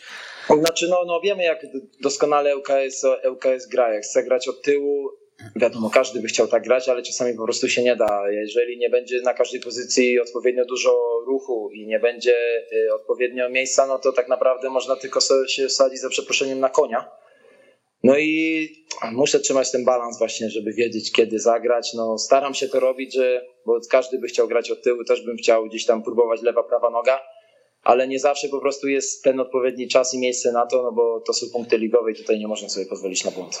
A powiedz, bo jest e, w Koronie sporo młodych zawodników i też e, przyzwyczaiła nas Korona ostatnio do tego, że tych młodych zawodników potrafi e, wypromować, szczególnie dla Rakowa Częstochowa, ale generalnie ta młodzież ostatnio w Koronie dobrze wygląda. Twoim zdaniem kto jest teraz takim zawodnikiem, który znowu może zabłysnąć i gdzieś albo w barwach Korony, albo w barwach innego klubu klubu zrobi taką większą karierę? Nie ukrywam, że od momentu przyjścia naprawdę wielu chłopaków e, zaimponowało mi dużą jakością. Te treningi od pierwszego dnia, jak tutaj przyszedłem, to była bardzo duża jakość piłkarska. To, że jest charakter, to, to myślę, że to każdy patrząc na nazwiska wie doskonale. I ta grupa ludzi tworzy jedną jedność i to jest drużyna i to jest najważniejsze. Na pewno Szpakowski, który gdzieś tam no, wykazał się niezwykłym sprytem e, w ostatnim meczu, dzisiaj też fajnie, fajnie gdzieś tam sobie radził. Jest góra też na skrzydle, jest naprawdę gdzieś tam kilku chłopaków, którzy mogą zrobić coś naprawdę fajnego i którzy super wkomponowali się w drużynę, bo myślę, że to widać. Okej, okay, no to jeszcze powiedz nam o twojej roli w drużynie, bo wcześniej Szymon pytał ciebie o miejsce w bramce, abym ciebie spytał o szatnię. Jednak e, to, co mówiliśmy na początku, w Zagłębiu byłeś bardzo ważnym piłkarzem w szatni, no ale tam byłeś od lat. To było twoje miejsce, więc jak się odnajdujesz w Koronie? Czy jesteś liderem tej szatni? Eee, i kto przede wszystkim poza tobą? Znaczy mnie na pewno cieszy, że w tej szatni jest kilku liderów i myślę, że to jest bardzo mocne, bo jak sobie przypominam najlepsze czasy Zagłębia, to to nie było, że to był jeden czy dwóch liderów, to było naprawdę wielu liderów szatni, ci co grali, ci co nie grali i wspierali resztę. I myślę, że to to wszystko dało ten efekt w postaci naprawdę fajnego teamu. I tutaj buduje się i naprawdę to odczuwam, że to jest, y, przypomina mi bardzo czasy Zagłębia których coś się budowało fajnego i tutaj jestem wielce przekonany, że, że jeżeli będziemy pracować jak pracujemy, dużo, dużo spokoju tego zachowywać i mówili sobie prawdę i też tak się dzieje, to, to myślę, że można zwojować naprawdę dużo. Okej, okay, to zupełnie na koniec. Co śpiewaliście dzisiaj w szatni po meczu z Puszczą? Co śpiewaliśmy? 100 lat, 100 lat. A, 100 lat dla Adama Frączaka. No dobra, to by się oczywiście Happy do życzeń... dla, dla Adasia. To, to by się oczywiście do życzeń dołączamy. A czy macie jakąś taką przyśpiewkę własną, dedykowaną na wygrane mecze? Eee, budujemy to sobie. Ja nie byłem na obozie. Także to zawsze na obozie jest coś takiego, że każdy obóz co pół roku gdzieś tam jak jest drużyna, to jest jakaś piosenka obozowa, która zawsze zostaje na dane pół roku. Ja przyszedłem dopiero w czasie już, można powiedzieć, e, pod koniec, e, pod koniec tych przygotowań ale na pewno coś zbudujemy. Obiecuję, że jak będziemy następnym razem rozmawiać, to, to już y, możemy coś, coś przytoczyć, jakąś pioseneczkę. Dobra, w każdym razie życzę, żeby ta banda świerów y, do was y, wróciła, bo no tutaj dużo mówiliśmy właśnie o charakterze, o, o, takim, takim mentalnym aspekcie tej nowej Korony Kielce, więc to byłby tak, to byłaby taka fajna, fajna puenta. Konrad Forec. No nie ukrywam, że fajnie, fajnie to się buduje i mówię, mam nadzieję, mam nadzieję, że tak będzie i przede wszystkim, że, że ten charakter będzie szedł z wynikami w parze, no i będziemy mogli w samych superlatywach mówić o, o Koronie Kielce. Wiadomo, że Fori taki postawny i raczej groźny z twarzy, to on zdecyduje, kiedy skończy, a nie ty, bo widzę, że chciałeś go żegnać. Na szczęście dzieli nas kamera, także, także jesteśmy bezpieczni. Dobra, Konrad Forec, Korona Kielce, pozdrawiam serdecznie, dziękujemy. Dzięki bardzo, miłego wieczoru, dzięki, pozdrawiam serdecznie. Wzajemnie. Marcin Szpakowski w Rakowie Częstochowa za rok. Co wy na to? No to jest realne. No, mówimy sporo o tym charakterze Korony, ale myślę, że też Korona może pokazać fajną grę w piłkę i ma ku temu zawodników. No, znów się gdzieś zakręcę przy tych nazwiskach, o których mówiłem, czyli Łukowski i Szpakowski, no ale to są piłkarze preferujący dość kreatywny, ofensywny futbol. Fajnie dzisiaj Łukowski zresztą poprowadził tę akcję, e, która e, zakończyła się trafieniem Frontczaka, więc myślę, że Szpakowski może pójść taką drogą, może niekoniecznie Raków, ale Ekstraklasa jak najbardziej. Ale e, to też ma sens poniekąd, bo jak zerkniemy na tych wszystkich zawodników, no to oni wychowywali się w Kielcach e, na bandzie świrów, a ta banda świrów, no to akurat do trenera Papszuna bardzo pasuje, szczególnie mm. patrząc na tak, to, jak tak. się cieszył w ostatnim meczu. Tak, czyli wszystko jest tutaj, wszystko jest legit, wszystko się zgadza. Jest taka kontynuacja. Najpierw w Koronie, potem do Rakowa i są wychowywani w tym samym duchu. Przejdźmy do innego tematu, do Podbeskidzia Bielsko-Biała. Chciałbym nawiązać do wypowiedzi trenera Podbeskidzia Piotra Jawnego, który, może przeczytam po prostu tę te, te wypowiedź. On mówi tak. Jesteśmy w bardzo trudnej sytuacji, bo zespół jest budowany od nowa. Wielu zawodników jest kontuzjowanych, wielu dołączyło do nas niemalże wczoraj. Niby mamy szeroką kadrę, ale ledwie starcza nam zawodników gotowych do gry w pierwszej jedenastce. Potrzebujemy bardzo dużo czasu, żeby ta drużyna zaczęła dobrze funkcjonować. Tak zima zaskakuje drogowców, tak start ligi zaskoczył pod Beskidzie chyba. Ja w ogóle mam wrażenie, że to poniekąd się łączy z Koroną Kielce, tylko Koroną Kielce z poprzedniego sezonu, To która spadała z Ekstraklasy. No tylko tam to- jeszcze była zmiana właścicielska i to była tam, szczególna wiadomo, sytuacja. Tam to w ogóle zawsze Tak. było bardzo duże zamieszanie, nie tylko jeżeli chodzi o ten pion, pion sportowy, ale też organizacyjny, a tutaj szczególnie sportowo, e, dyrektorsko-trenersko mamy bardzo duże zamieszanie. Ja w ogóle byłem trochę zaskoczony, że Piotr Jawny jako trener no, młody i tak naprawdę aspirujący do tego, żeby w Podbeskidziu się wybić, bo to jego taka pierwsza praca poza Śląskiem Wrocław, bo jednak to szkoleniowiec i zawodnik kojarzony głównie ze Śląskiem, no to, że miał tak e, po prostu jaja do tego, żeby coś takiego e, zrobić i powiedzieć już na drugiej konferencji prasowej po drugim meczu, e, no nie wygląda Pytanie, to czy to najlepiej. jaja, czy to takie szukanie alibi, szukanie Ja usprawiedliwienia? myślę, ja myślę, że to prawda po prostu, co Ja też powiedział, tak bo, bo też dyrektor Piłowarczyk ma dość ciężki start okienka. To nie jest tak, że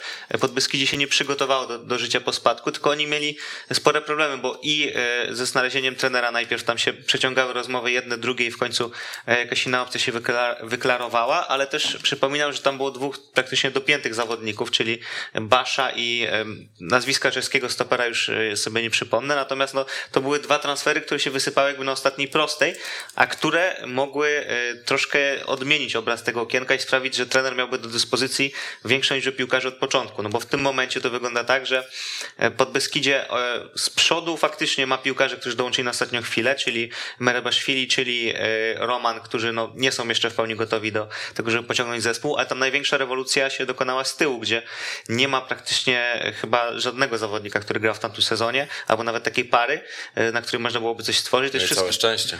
no, całe szczęście, ale z drugiej strony, wiesz, w pierwszej lidze to, nie, to mogłoby dać jakąś stabilizację, chociaż chwilową, a takie wywrócenie wszystkiego w połączeniu z tym, że to jest nowy system teraz z trójką z tyłu, no to wygląda to tak, jak wygląda. Ja tak dodam, że no wejście Kosty to po prostu obrazuje, Nie, no, fatalne będzie. obrazuje słowa trenera Jawnego, no to był jakiś skandal. To było, to było wejście Ruana dzisiaj z Radomiakiem, jeśli ktoś nie oglądał. E, to dokładnie to samo. To spacerowanie po boisku, statystowanie przy obydwu bramkach, tam jeszcze gdzieś jakiś rykoszet. Ja tak... No nie, pierwsza bramka po jego stracie i Tak. później przy drugiej miał jeszcze pecha, bo ona się no, odbiła odbiła się od Kosty niego, ale też on powinien do tego wyskoczyć, Tak, zablokować, tak, coś tak. zrobić. Ja... No i to miał doliczony czas gry, gdzie jeszcze Tak. mogli pokusić się o remis. No, tam może, może akurat nie, no bo też grali w osłabieniu, ale no, to, to wyglądało tak, że oni grali w osłabieniu, a Costa sprawił, Tak. że grali w dziewiątkę. Ale też słyszałem takie, taką ciekawą informację, że y, przygoda Kosty z Podbeskidzie może się dość szybko skończyć, bo e, on y, po pierwszym, po tym spotkaniu już podpadł trenerowi, bo stwierdził, że nie będzie szedł na takiego taki rozruch pomeczowy, bo O, boli, boli go noga. No, nabiegał się chłop, nie? Zszedł na te 15 minut, zrobił To robotę. może dlatego nie wracał się do defensywy. Tak, y, bolała go noga. No, zastanawiam się, po co wszedł na boisko, a myślę, że na boisko prędko nie wyjdzie i ciekawi mnie, czy y, pod Beskidzie faktycznie rozwiąże ten kontrakt, czy, czy coś w tym kierunku zrobi, no bo pojawiły się takie głosy, że po prostu gość chyba raczej już na emeryturę przyjechał i wiele z tego nie będzie. Ale sam w sobie ten transfer jest śmieszny, bo tak sobie zobaczyliśmy na nazwisko 35 lat e, pod Beskidzie Bielsko-Biała, no już jeden taki e, był kozak, którego chcieli ściągnąć na lewą obronę i w końcu nie ściągnęli, czyli Sebastian Benisz, który miał z jakiejś czwartej ligi niemieckiej Tak. do Podbeskidzia trafić. I Costa na Moinesu mam wrażenie, że to jest bardzo podobny piłkarz, bo on miał naprawdę fajne występy w Zagłębiu Lubina, to było te 8 Nie, czy no, ale 10 wiesz, on lat później temu. zrobił porządną karierę, Sparta nie? Praga, Nie, no, wsparcie bardzo dobrze grał Oczywiście, że tak, czasu. tylko że on ma 35 lat i to mnie bardzo dziwi, że on jeszcze został odkopany. A co więcej, e, tak się zastanawiam, bo odszedł też Karol Danielak, który teraz wymiata, czy zaczyna wymiatać w Widzewie Łódź i powiem szczerze, że ja nie widzę tam wielkich może nie ambicji, ale szans na awans. Na pewno nie na bezpośredni. To Podbeskidzie nie spadło po to, żeby wrócić. Co więcej, e, Kuba przeczytał wypowiedź Piotra Jawnego, która była dosyć ostra, jak na drugi mecz tego szkoleniowca i już takie słowa. On powiedział jeszcze jedno na tej konferencji ważne zdanie, czyli musimy zweryfikować swoje plany co do tego sezonu. Czyli rozumiem, że usłyszał, że chcemy awansu. On wprost powiedział, że wiesz musimy to tam był, zweryfikować. tam był chyba plan taki, żeby w pierwszym sezonie były baraże, a w drugim awans bezpośredni, jeśli nie uda się awansować. Kamil Gbiliński mówił w Pierwszy. rozmowie z Przemkiem Michalakiem, że plan jest trzyletni. To znaczy próbujemy awansować przez y, dwa najbliższe sezony, ale w tym trzecim to już musi się wydarzyć, że Wiesz się co, mam wcześniej. wrażenie, że w pierwszej lidze, e, o ile cenimy zawsze długofalową wizję klubów, to w pierwszej lidze lepiej mieć podejście, żeby awans był już teraz. Mhm. Jak takie jest podejście, to ten klub wie, co ma zrobić, bo jest tyle zmian kadrowych, trenerskich, że plany trzyletnie w pierwszej lidze są jeszcze Mhm. To gorsze niż w zupełnie inna drużyna na końcu Chociaż tego o to projektu, co na początku, prawda? Chociaż z drugiej strony, no też jestem w stanie zrozumieć pod Beskidzie, które pewnie nauczone poprzednimi drużynami, które leciały z ligi, nie chciało iść w kierunku musimy awansować teraz, bo pewnie to by się wiązało też może i nie tyle z pompowaniem balonika, ale też pewnie Pieniędzy. może i właśnie o tym mówię. A, O tym chciałem nawiązać, o pieniądze. Też takie podejście, zaraz Mhm. ci oddam e, głos, takie podejście musimy awansować teraz, byłoby w porządku na przykład w przypadku ŁKS-u, który nie przeszedł rewolucji po spadku, tylko Tak, raczej tak, się tak. ewoluował w jakiś sposób. E, A no w Podbeskidziu to jednak jest No nowa wiesz, drużyna. wdrażasz, wdrażasz ten nowy system, przebudowujesz całą linię obrony, y, linię ataku w sumie też w większości, Mhm. więc no ciężko byłoby teraz wychodzisz do trenera i mówisz, że masz awansować w pierwszym sezonie, to myślę, że Piotr Jawny wtedy nie podjąłby tej pracy i by powiedział, a to w sobie w tym Śląsku w Wrocławiu. Wiecie co, Piotr Jawny, a propos podjęcia pracy, to myślę, że to i tak jest dla niego spora szansa, bo jednak trafia z rezerw Śląska Wrocław do pierwszej ligi, to do zespołu e, no z jakąś marką na pewno, może nie do awansu, ale jednak e, ze sporą marką, czyli pod Beskidzia, a jak przeczytałem na weszło wywiad z Piotrem Jawnym, jeszcze jak był trenerem rezerw Śląska, to on tam powiedział, że on nie ma ograniczeń i że on chce zostać w przyszłości trenerem Chelsea. Powiem wam szczerze, że to taka gruba deklaracja. I on mówi, że no warto marzyć, że był na jakimś kursie trenerskim i go Paweł Janas tam spytał, gdzie chciałby dojść jako trener. On powiedział, że jak najwyżej, a Paweł Janas go zripostował, to idź na Giewont. I zastanawiam się, czy trochę tak nie będzie z Podbeskidziem. No teraz ma blisko. Na Klimczo. No teraz tak, na nie, ale y, tak też y, jeśli chodzi o cały projekt Podbeskidzia, to myślę, że on jest całkiem rozsądnie budowany, bo wiem, że wobec trenera były stawiane dość konkretne wymogi. Tam y, nie tylko chodziło o to, że masz awansować w 3 lata i, i coś tam wprowadzić, tylko też ten styl gry ma się czymś wyróżniać. Mam, są postawione wymogi dotyczące tego na przykład e, jak drużyna będzie wyglądała w ofensywie. I to nie tak, że masz grać ofensywną piłkę, tylko e, wytyczono pewne jakieś tam znaki takie graniczne, które mają e, być e, drogowskazem, czy to idzie w dobrym kierunku, czy jednak ta wizja jest fajna na papierze, a w teorii nie. Więc no myślę, że to jest zdrowy projekt z wciąż dobrymi pieniędzmi, chociaż pewnie jeszcze zdrowie by było, gdyby Edward Łukosz koniec końców przejął ten klub w większości od miasta. Mm, No i to może się zakończyć sukcesem. I nawet teraz y, nie skreślam tego Podbeskidzia z walki o, o baraże, bo też przypominam sobie, y, jak walka o baraże wygląda wiosną w pierwszej lidze i ta, to się ciągnie zawsze. No, w, mieliśmy przykłady, dwa lata temu mieliśmy przykład rok temu, że do ostatnich kolejek ktoś miał szansę gdzieś z ósmego miejsca wskoczyć, więc zostawiam wolne pole, tam pewnie będzie dużo pracy do wykonania zimą i, i wtedy będziemy mogli oceniać. Też powiedzmy sobie jasno, że Podbeskidzie nas nie przekonywało, ale ten mecz e, z Odrą Opole przegrany 0-3 mógł wyglądać zupełnie inaczej, bo dwa gole były strzelone już w doliczonym czasie przez Odrę, bo w 77 bodajże minucie była czerwona kartka dla piłkarza Podbeskidzia, bo w drugiej minucie już Podbeskidzie powinno Julio prowadzić. Rodrigueza. Tak, tak, e, I dokładnie. to jest ten sam piłkarz, już go wywołaliśmy w części ekstraklasowej, że miał kapitalne wejście do pierwszej ligi. No to fakt, a Podbeskidzie mogłoby mieć fajne wejście w ten mecz, jakby w drugiej minucie Kuchta nie miał świetnej interwencji, ale co z tego, no bo A, to była styl... bardziej zmarnowana Tak, sytuacja ale później, Scalera. ale później właśnie Pewnie też tak. Julio Rodriguez, bo to Skalę strzelał, kiedy Kuchta wybronił, a później Julio Rodriguez z metra trafił w słupek. No nie była to idealna sytuacja, taka 100%, ale takie 80 myślę na spokojnie. W ogóle to ciekawe, bo na przykład z Wigier Suwałki przyszedł młody napastnik Kacper Wełniak, e, wychowanek, e, czy na pewno zawodnik wyszkolony w Legii Mm, i tak e, szumnie dosyć ogłoszony, a widzę, że teraz na trybunach i, i szczerze mówiąc... On kont- uraz miał jakiś On miał już uraz, tak? Okej. E, I właśnie do tego między innymi się odnosił Piotr Jawny, dlatego że powiedział, że niby taka treść szeroka, a on ma do dyspozycji ledwo 11 piłkarzy Ale do bo gry. tam też, tam też było tak, że mm, kurczę, nie przypomnę sobie teraz nazwiska, chyba Szymon Stasiuk złapał uraz i chyba jeszcze jeden zawodnik wyleciał taki, z takim jakimś urazem już po przyjściu, e, po ogłoszeniu transferu, więc faktycznie to się wysypywało już nawet po ogłoszeniu tych ruchów. Pewnie niektórzy fizycznie muszą jeszcze dojść po prostu, żeby być tak przygotowani do, do pierwszej dynastki. Kosta. Na przykład. Kosta to, już- Kosta już to musi dojść do granicy chyba. Czeskiej. tak, dokładnie. E, No dobra, zmieńmy temat. Widzę w Łódź, drużyna, która patrząc na styl gry nie porywa, ale gra bardzo konkretnie. Nie, no A- słuchaj, no nie porywała to rok temu, teraz widzę Tak, jakieś ja tam powiedział, zalążki. że dobrze to Ja w ogóle No nie no, w porównaniu no to oczywiście. Nie wiem, no. czy się zgodzicie, ja mam takie wrażenie, że stary widzew z poprzedniego sezonu ten mecz z Zagłębiem Sosnowiec by przegrał. Bo tutaj okej, oni Standard dominowali. może też by nie wygrał. Natomiast y, tutaj szczególnie z Zagłębiem, no to miałeś tak. Y, e, Zagłębie zaczęło w ogóle bardzo dobrze. Mieli kilka sytuacji. Oczywiście widzew też, bo był chociażby słupek, czy poprzeczka po strzale Stępińskiego. Była jeszcze sytuacja sam na sam e, Tomczyka. Natomiast e, no, Zagłębie naprawdę miało swoje sytuacje i też e, kilka takich wykreowało, szczególnie za sprawą Bryły, który miał kilka bardzo ważnych podań w tym spotkaniu. Raz nie pamiętam, kto zmarnował takie podanie z lewej strony do środka, gdzie tam. To był Szumilas. Szumilas chyba, tak? Banaszewski wycofał do Szumilasa. Później on tak naprawdę wykreował bramkę, później miał jeszcze jedną sytuację, którą stworzył chyba Banaszewskiemu, w drugiej połowie też e, ze dwie sytuacje stworzył, Miał takie jedną sam dośrodkowanie, miał. jeśli dobrze kojarzę, Tak, z o tym mówię dokładnie, no także naprawdę Zagłębie nie grało źle tego spotkania i stary widzew, który traci bramkę, no to raczej nie wygrywa już tego spotkania. Ale Tutaj tu, cię, tu cię widzieliśmy... zaskoczę, bo y,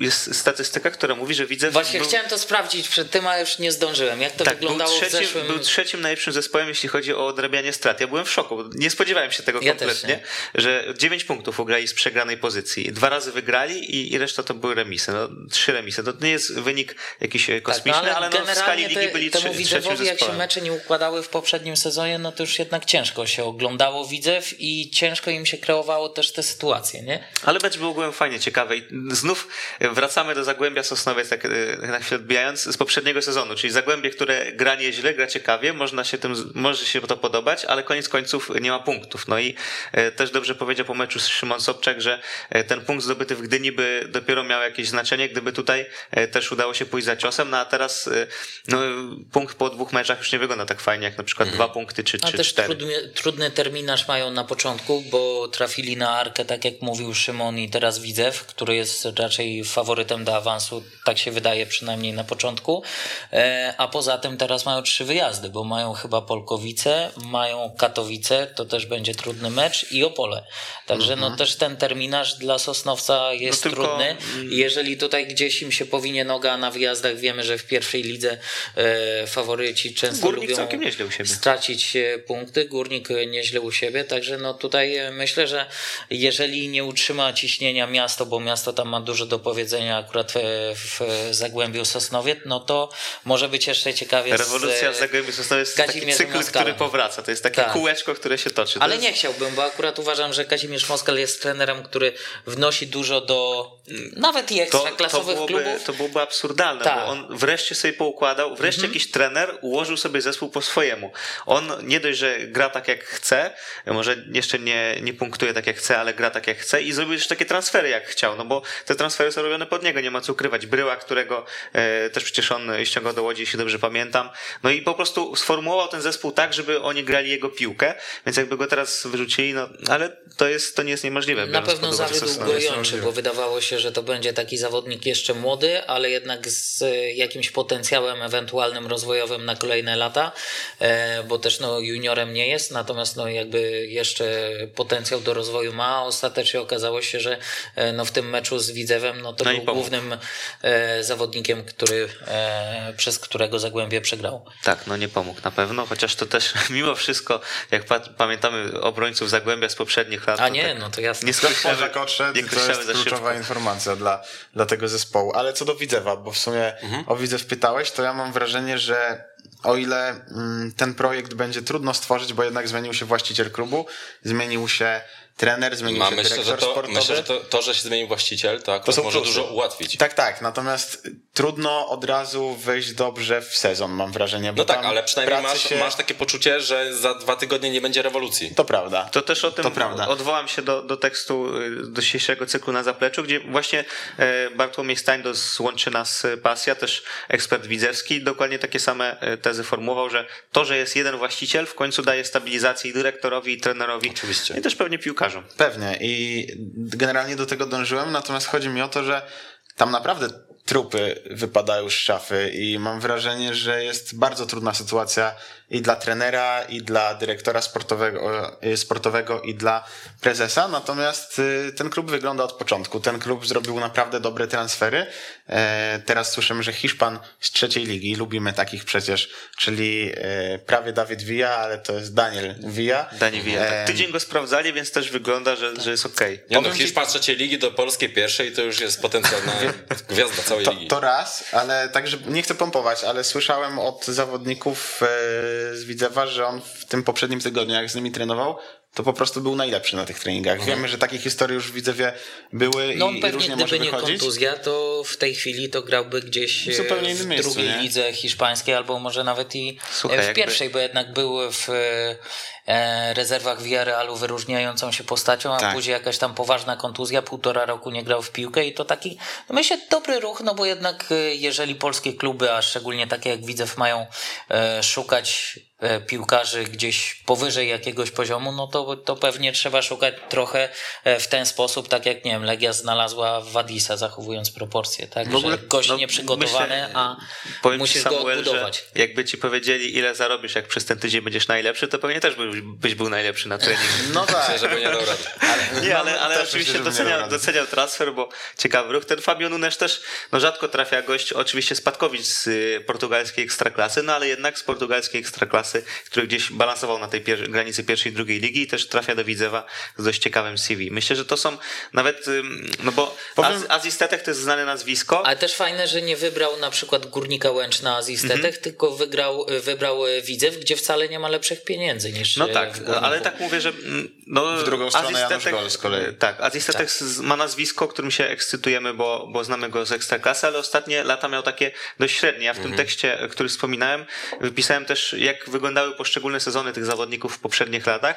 No i faktycznie w końcu te transfery wyglądają ciekawie. No Karol Danielak, pamiętamy go z pierwszej ligi jeszcze niedawno jako lidera e, drużyny, więc to też jest taki ruch e, na plus. No, No i to Paweł. Zieliński też, Mieć Legnica, czołowa postać Miedzi i Danielak to motor napędowy, natomiast Paweł Zieliński, nie dość, że zabrany z rywali, którzy też będą chcieli awansować, to mam wrażenie, jest najlepszy piłkarz na razie Widzewa. On gra na tym prawym wahadle i daje i do przodu, i do tyłu. Dominik Kun jest lepszy.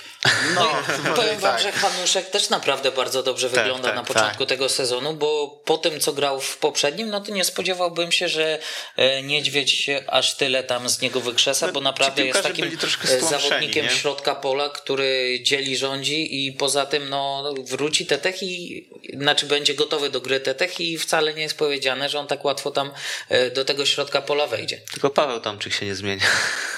Ale wiecie co, to wy, wyróżnijmy jeszcze jedną postać, bo można powiedzieć też, że Tetech i Letniowski, jak z ławki wchodzą, to, to jednak dają jakość. Mhm. E, w ogóle mam wrażenie, że Letniowski w tym klubie może sobie poradzić i, i fajnie e, w Widzewie Też się taki zaprezentować. chyba pod niego, nie? Pod jego umiejętności, taki preferujący podobny styl gry, do jakiego jest stworzony Letniowski, prawda. bo tego nie miał w Warce. To prawda. Natomiast inny przykład. Y, trochę robi trener Niedźwiedź z Gołębiowskim, z młodzieżowcem z Widzewa, to co trener Brighton robił y, z Kubą Moderem, czyli ze środkowego No, pomocnika robi lewe Znaczy, wahadło, y, wiesz co, odnajduje on, mu on nową mógł też tam pozycję. grać, nie? Bo to jest taki piłkarz, jak rozmawiałem z trenerem y, Gołębiewskim, Gołębiowski, Gołębiewski, to mówił, że to jest piłkarz bardzo uniwersalny i, i on w sumie tak i obskoczy tę pozycję w środku i, i ta lewa pomoc, lewa obrona, więc no też ciekawy ruch, że oni go wyciągnęli, bo, bo to nie było oczywiste, bo tym piłkarzem się interesowało kilka innych klubów i pamiętam, że tam był chyba nawet w pewnym momencie gdzieś dograny temat Zagłębia Sosnowiec, e, a Widzew się po niego zgłosił i, i to jest dobry ruch, bo oni faktycznie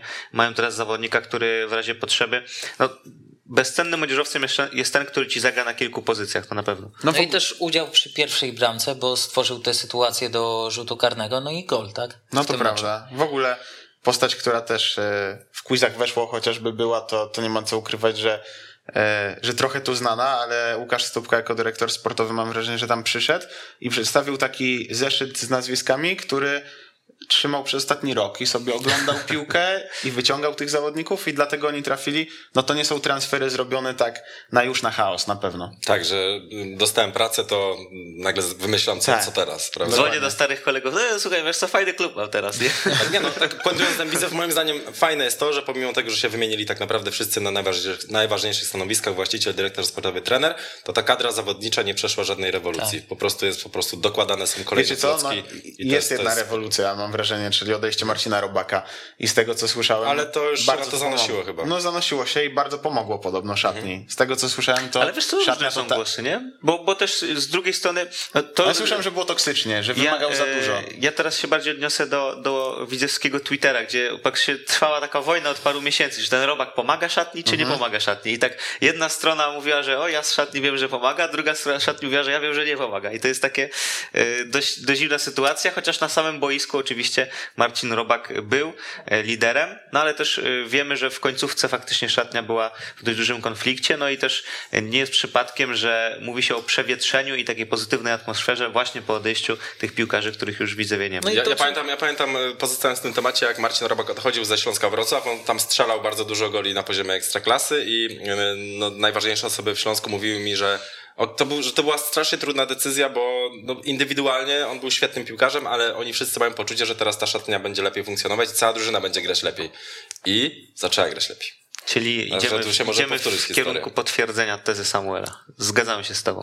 No, na każdym poziomie rozgrywkowym takie przykłady są znane, więc tak. ja też mam wrażenie, że trochę brakuje jednak Widzewowi tego napastnika. Zobaczymy, jak e, będzie wyglądał e, ten nowy Hiszpan ściągnięty przez e, Łukasza Stupkę. Natomiast no, z Pawłem Tomczykiem trochę Widzew jest taki jednowymiarowy, bo jednak, znaczy może nie Widzew jest wy- jednowymiarowy, tylko Paweł jest jednowymiarowy, w sensie tak stworzony po prostu do gry z kontrataku. Nawet jak go pamiętamy myślałem, w reprezentacji stworzony do gry U21. Czesława Michniewicza. No tak, no tak, ale on jak grał w pierwszym składzie, to grał z Danią, gdzie musiał y, grać z kontry, Mhm. albo wchodził po prostu z ławki rezerwowej, żeby tam podmęczonego. A, bo to cały Czwóreczka. czas. E, Za gdzie- wysoko dla Tomczyka tak, ten mecz. e, Gdzie musiał. Dla Tomczyka czwórka? Za wysoko. Nie no, wiesz, strzelił Zależy jaka skala. Z, kar- z rzutu karnego, karnego, tak. wiesz z rzutu karnego. No ale też nie wykorzystał dwóch sytuacji. Tak, dokładnie. E, No, natomiast wracając do Tomczyka i, i jego gry, no to jednak to jest zawodnik stworzony do kontrataku. Też e, nigdy nie był wirtuozem techniki, no bo wiemy, że akurat to, to było jego problemem. Miał takie silne, mocne uderzenie.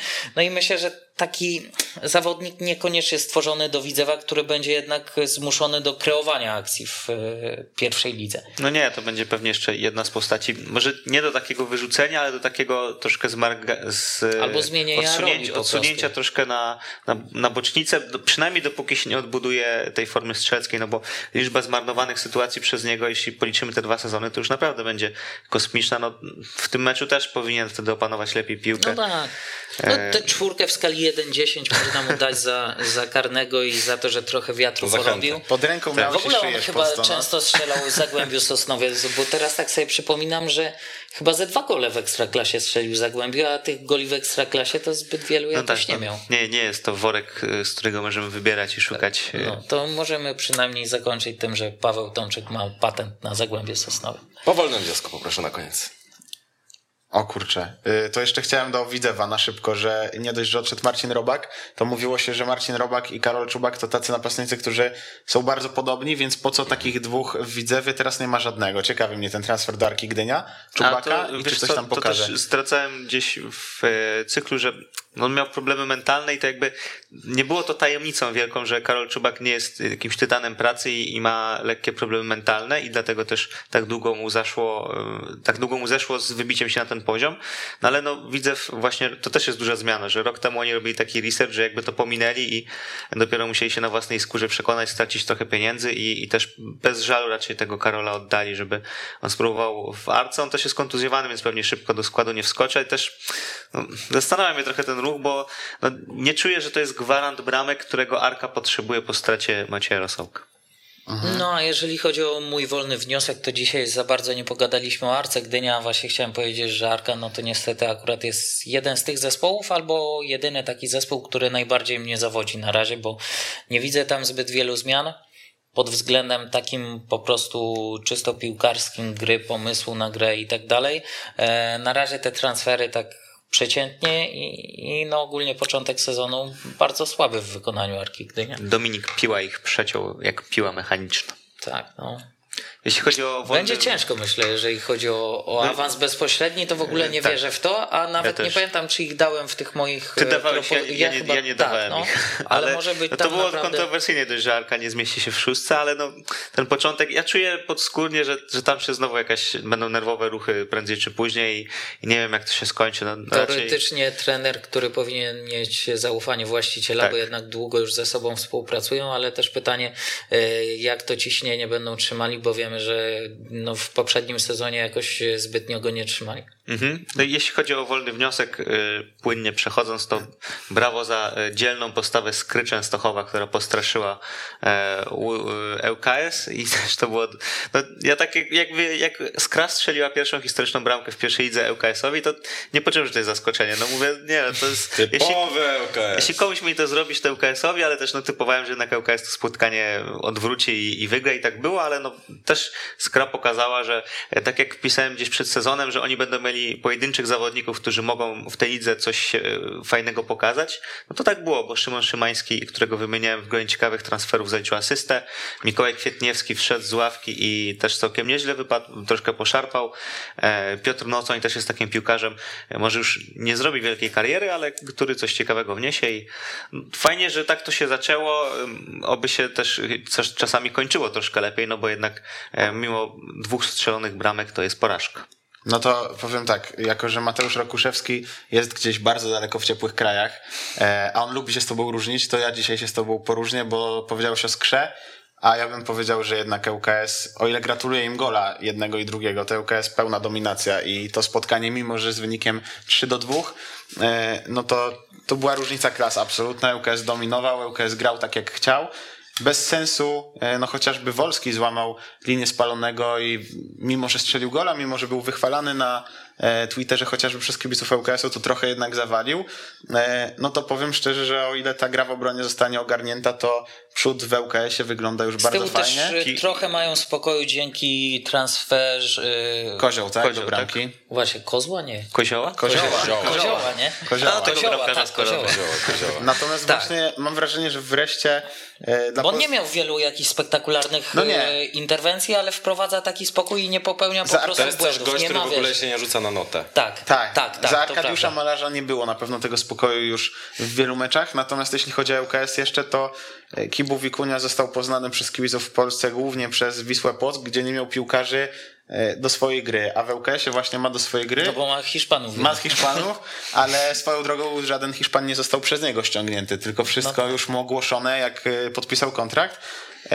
Natomiast jeśli chodzi jeszcze o Kibu Wikunię i UKS, to mam wrażenie, że ten zespół naprawdę będzie fajnie grał w piłkę i dobrze, że nie awansował do ekstraklasy, bo to by się znowu posypało jak domek z kart, a w pierwszej lidze ten zespół zostanie po prostu wzmocniony taką pewnością siebie, z graniem. Mam wrażenie, że Javi Moreno, chociażby nowy piłkarz, ma potencjał może i na skalę Pirulo, może i e, Domingueza i chciałbym wym- jako ten wolny wniosek już na szybko ostatni Mateusza Wąkowicza e, pochwalić. Chłopak z rocznika 2001, prawa obrona, a naprawdę fajnie wygląda już e, w drugim meczu, dał asystę i myślę, że z niego trochę radości To ja bym ale jedną, będzie. jedną osobę jeszcze zganił, bo Rygard e, liczyłem, że w tym sezonie coś odpali, że w końcu e, pokaże nam się ten zawodnik, którego tam widzieliśmy na filmikach, że fajnie sobie tam grał w Danii, e, że ma dobrze ułożoną nogę, a Ale ostatecznie no to, jaki to transfer. to, to znowu mamy człapaka i, i tak naprawdę Ale nic się ma nie zmienia. drugiego w jego- stopnia, bo podał do Tak, Pirulo w i Pirulo zrobił całą Tak. resztę. Ale chyba go daliśmy na pierwszym miejscu wśród transferów Wiesz co, ostatnio, nie, nie, Rok nie temu. pamiętam. Nie pamiętam teraz Przed i rundą to nie dlatego, po? że nie chcę pamiętać. Przed, przed, przed rundą, że, poza. Tak. po, to wiadomo. Nie, e, nie, nie dlatego, że nie chcę pamiętać, ale Pirulo w drodze chyba po, po tytuł MVP tak się na razie rozpędza, bo chyba przy wszystkich w ogóle bramkach e, ŁKS-u miał udział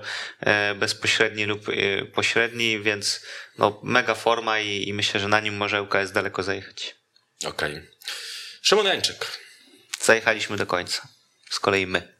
Dobranoc. Dobranoc. Adam Sowiński. Dobranoc. Samuel Szygielski. Dobranoc. I Jakub Białek. Wspierajcie piłkarsko, pi, piłkarsko, piłkarstwo polskie, wspierajcie gawrony. I lajki dajcie. Dajcie nam łapy w górę i będziemy z wami za tydzień już w poniedziałek o 20. Także już teraz serdecznie zapraszamy. Pa, pa. No nie powiem, że hit, ponieważ nie używam tego słowa w kontekście ekstraklasy, ale na pewno spotkanie, które dostarczy więcej emocji niż, nie wiem, y, Korona Kielce z, z ŁKS-em. Kiedyś zagrają razem, to nie wiem, może sobie palnę w łeb, zobaczę. Weszło FM. Najlepsze radio sportowe.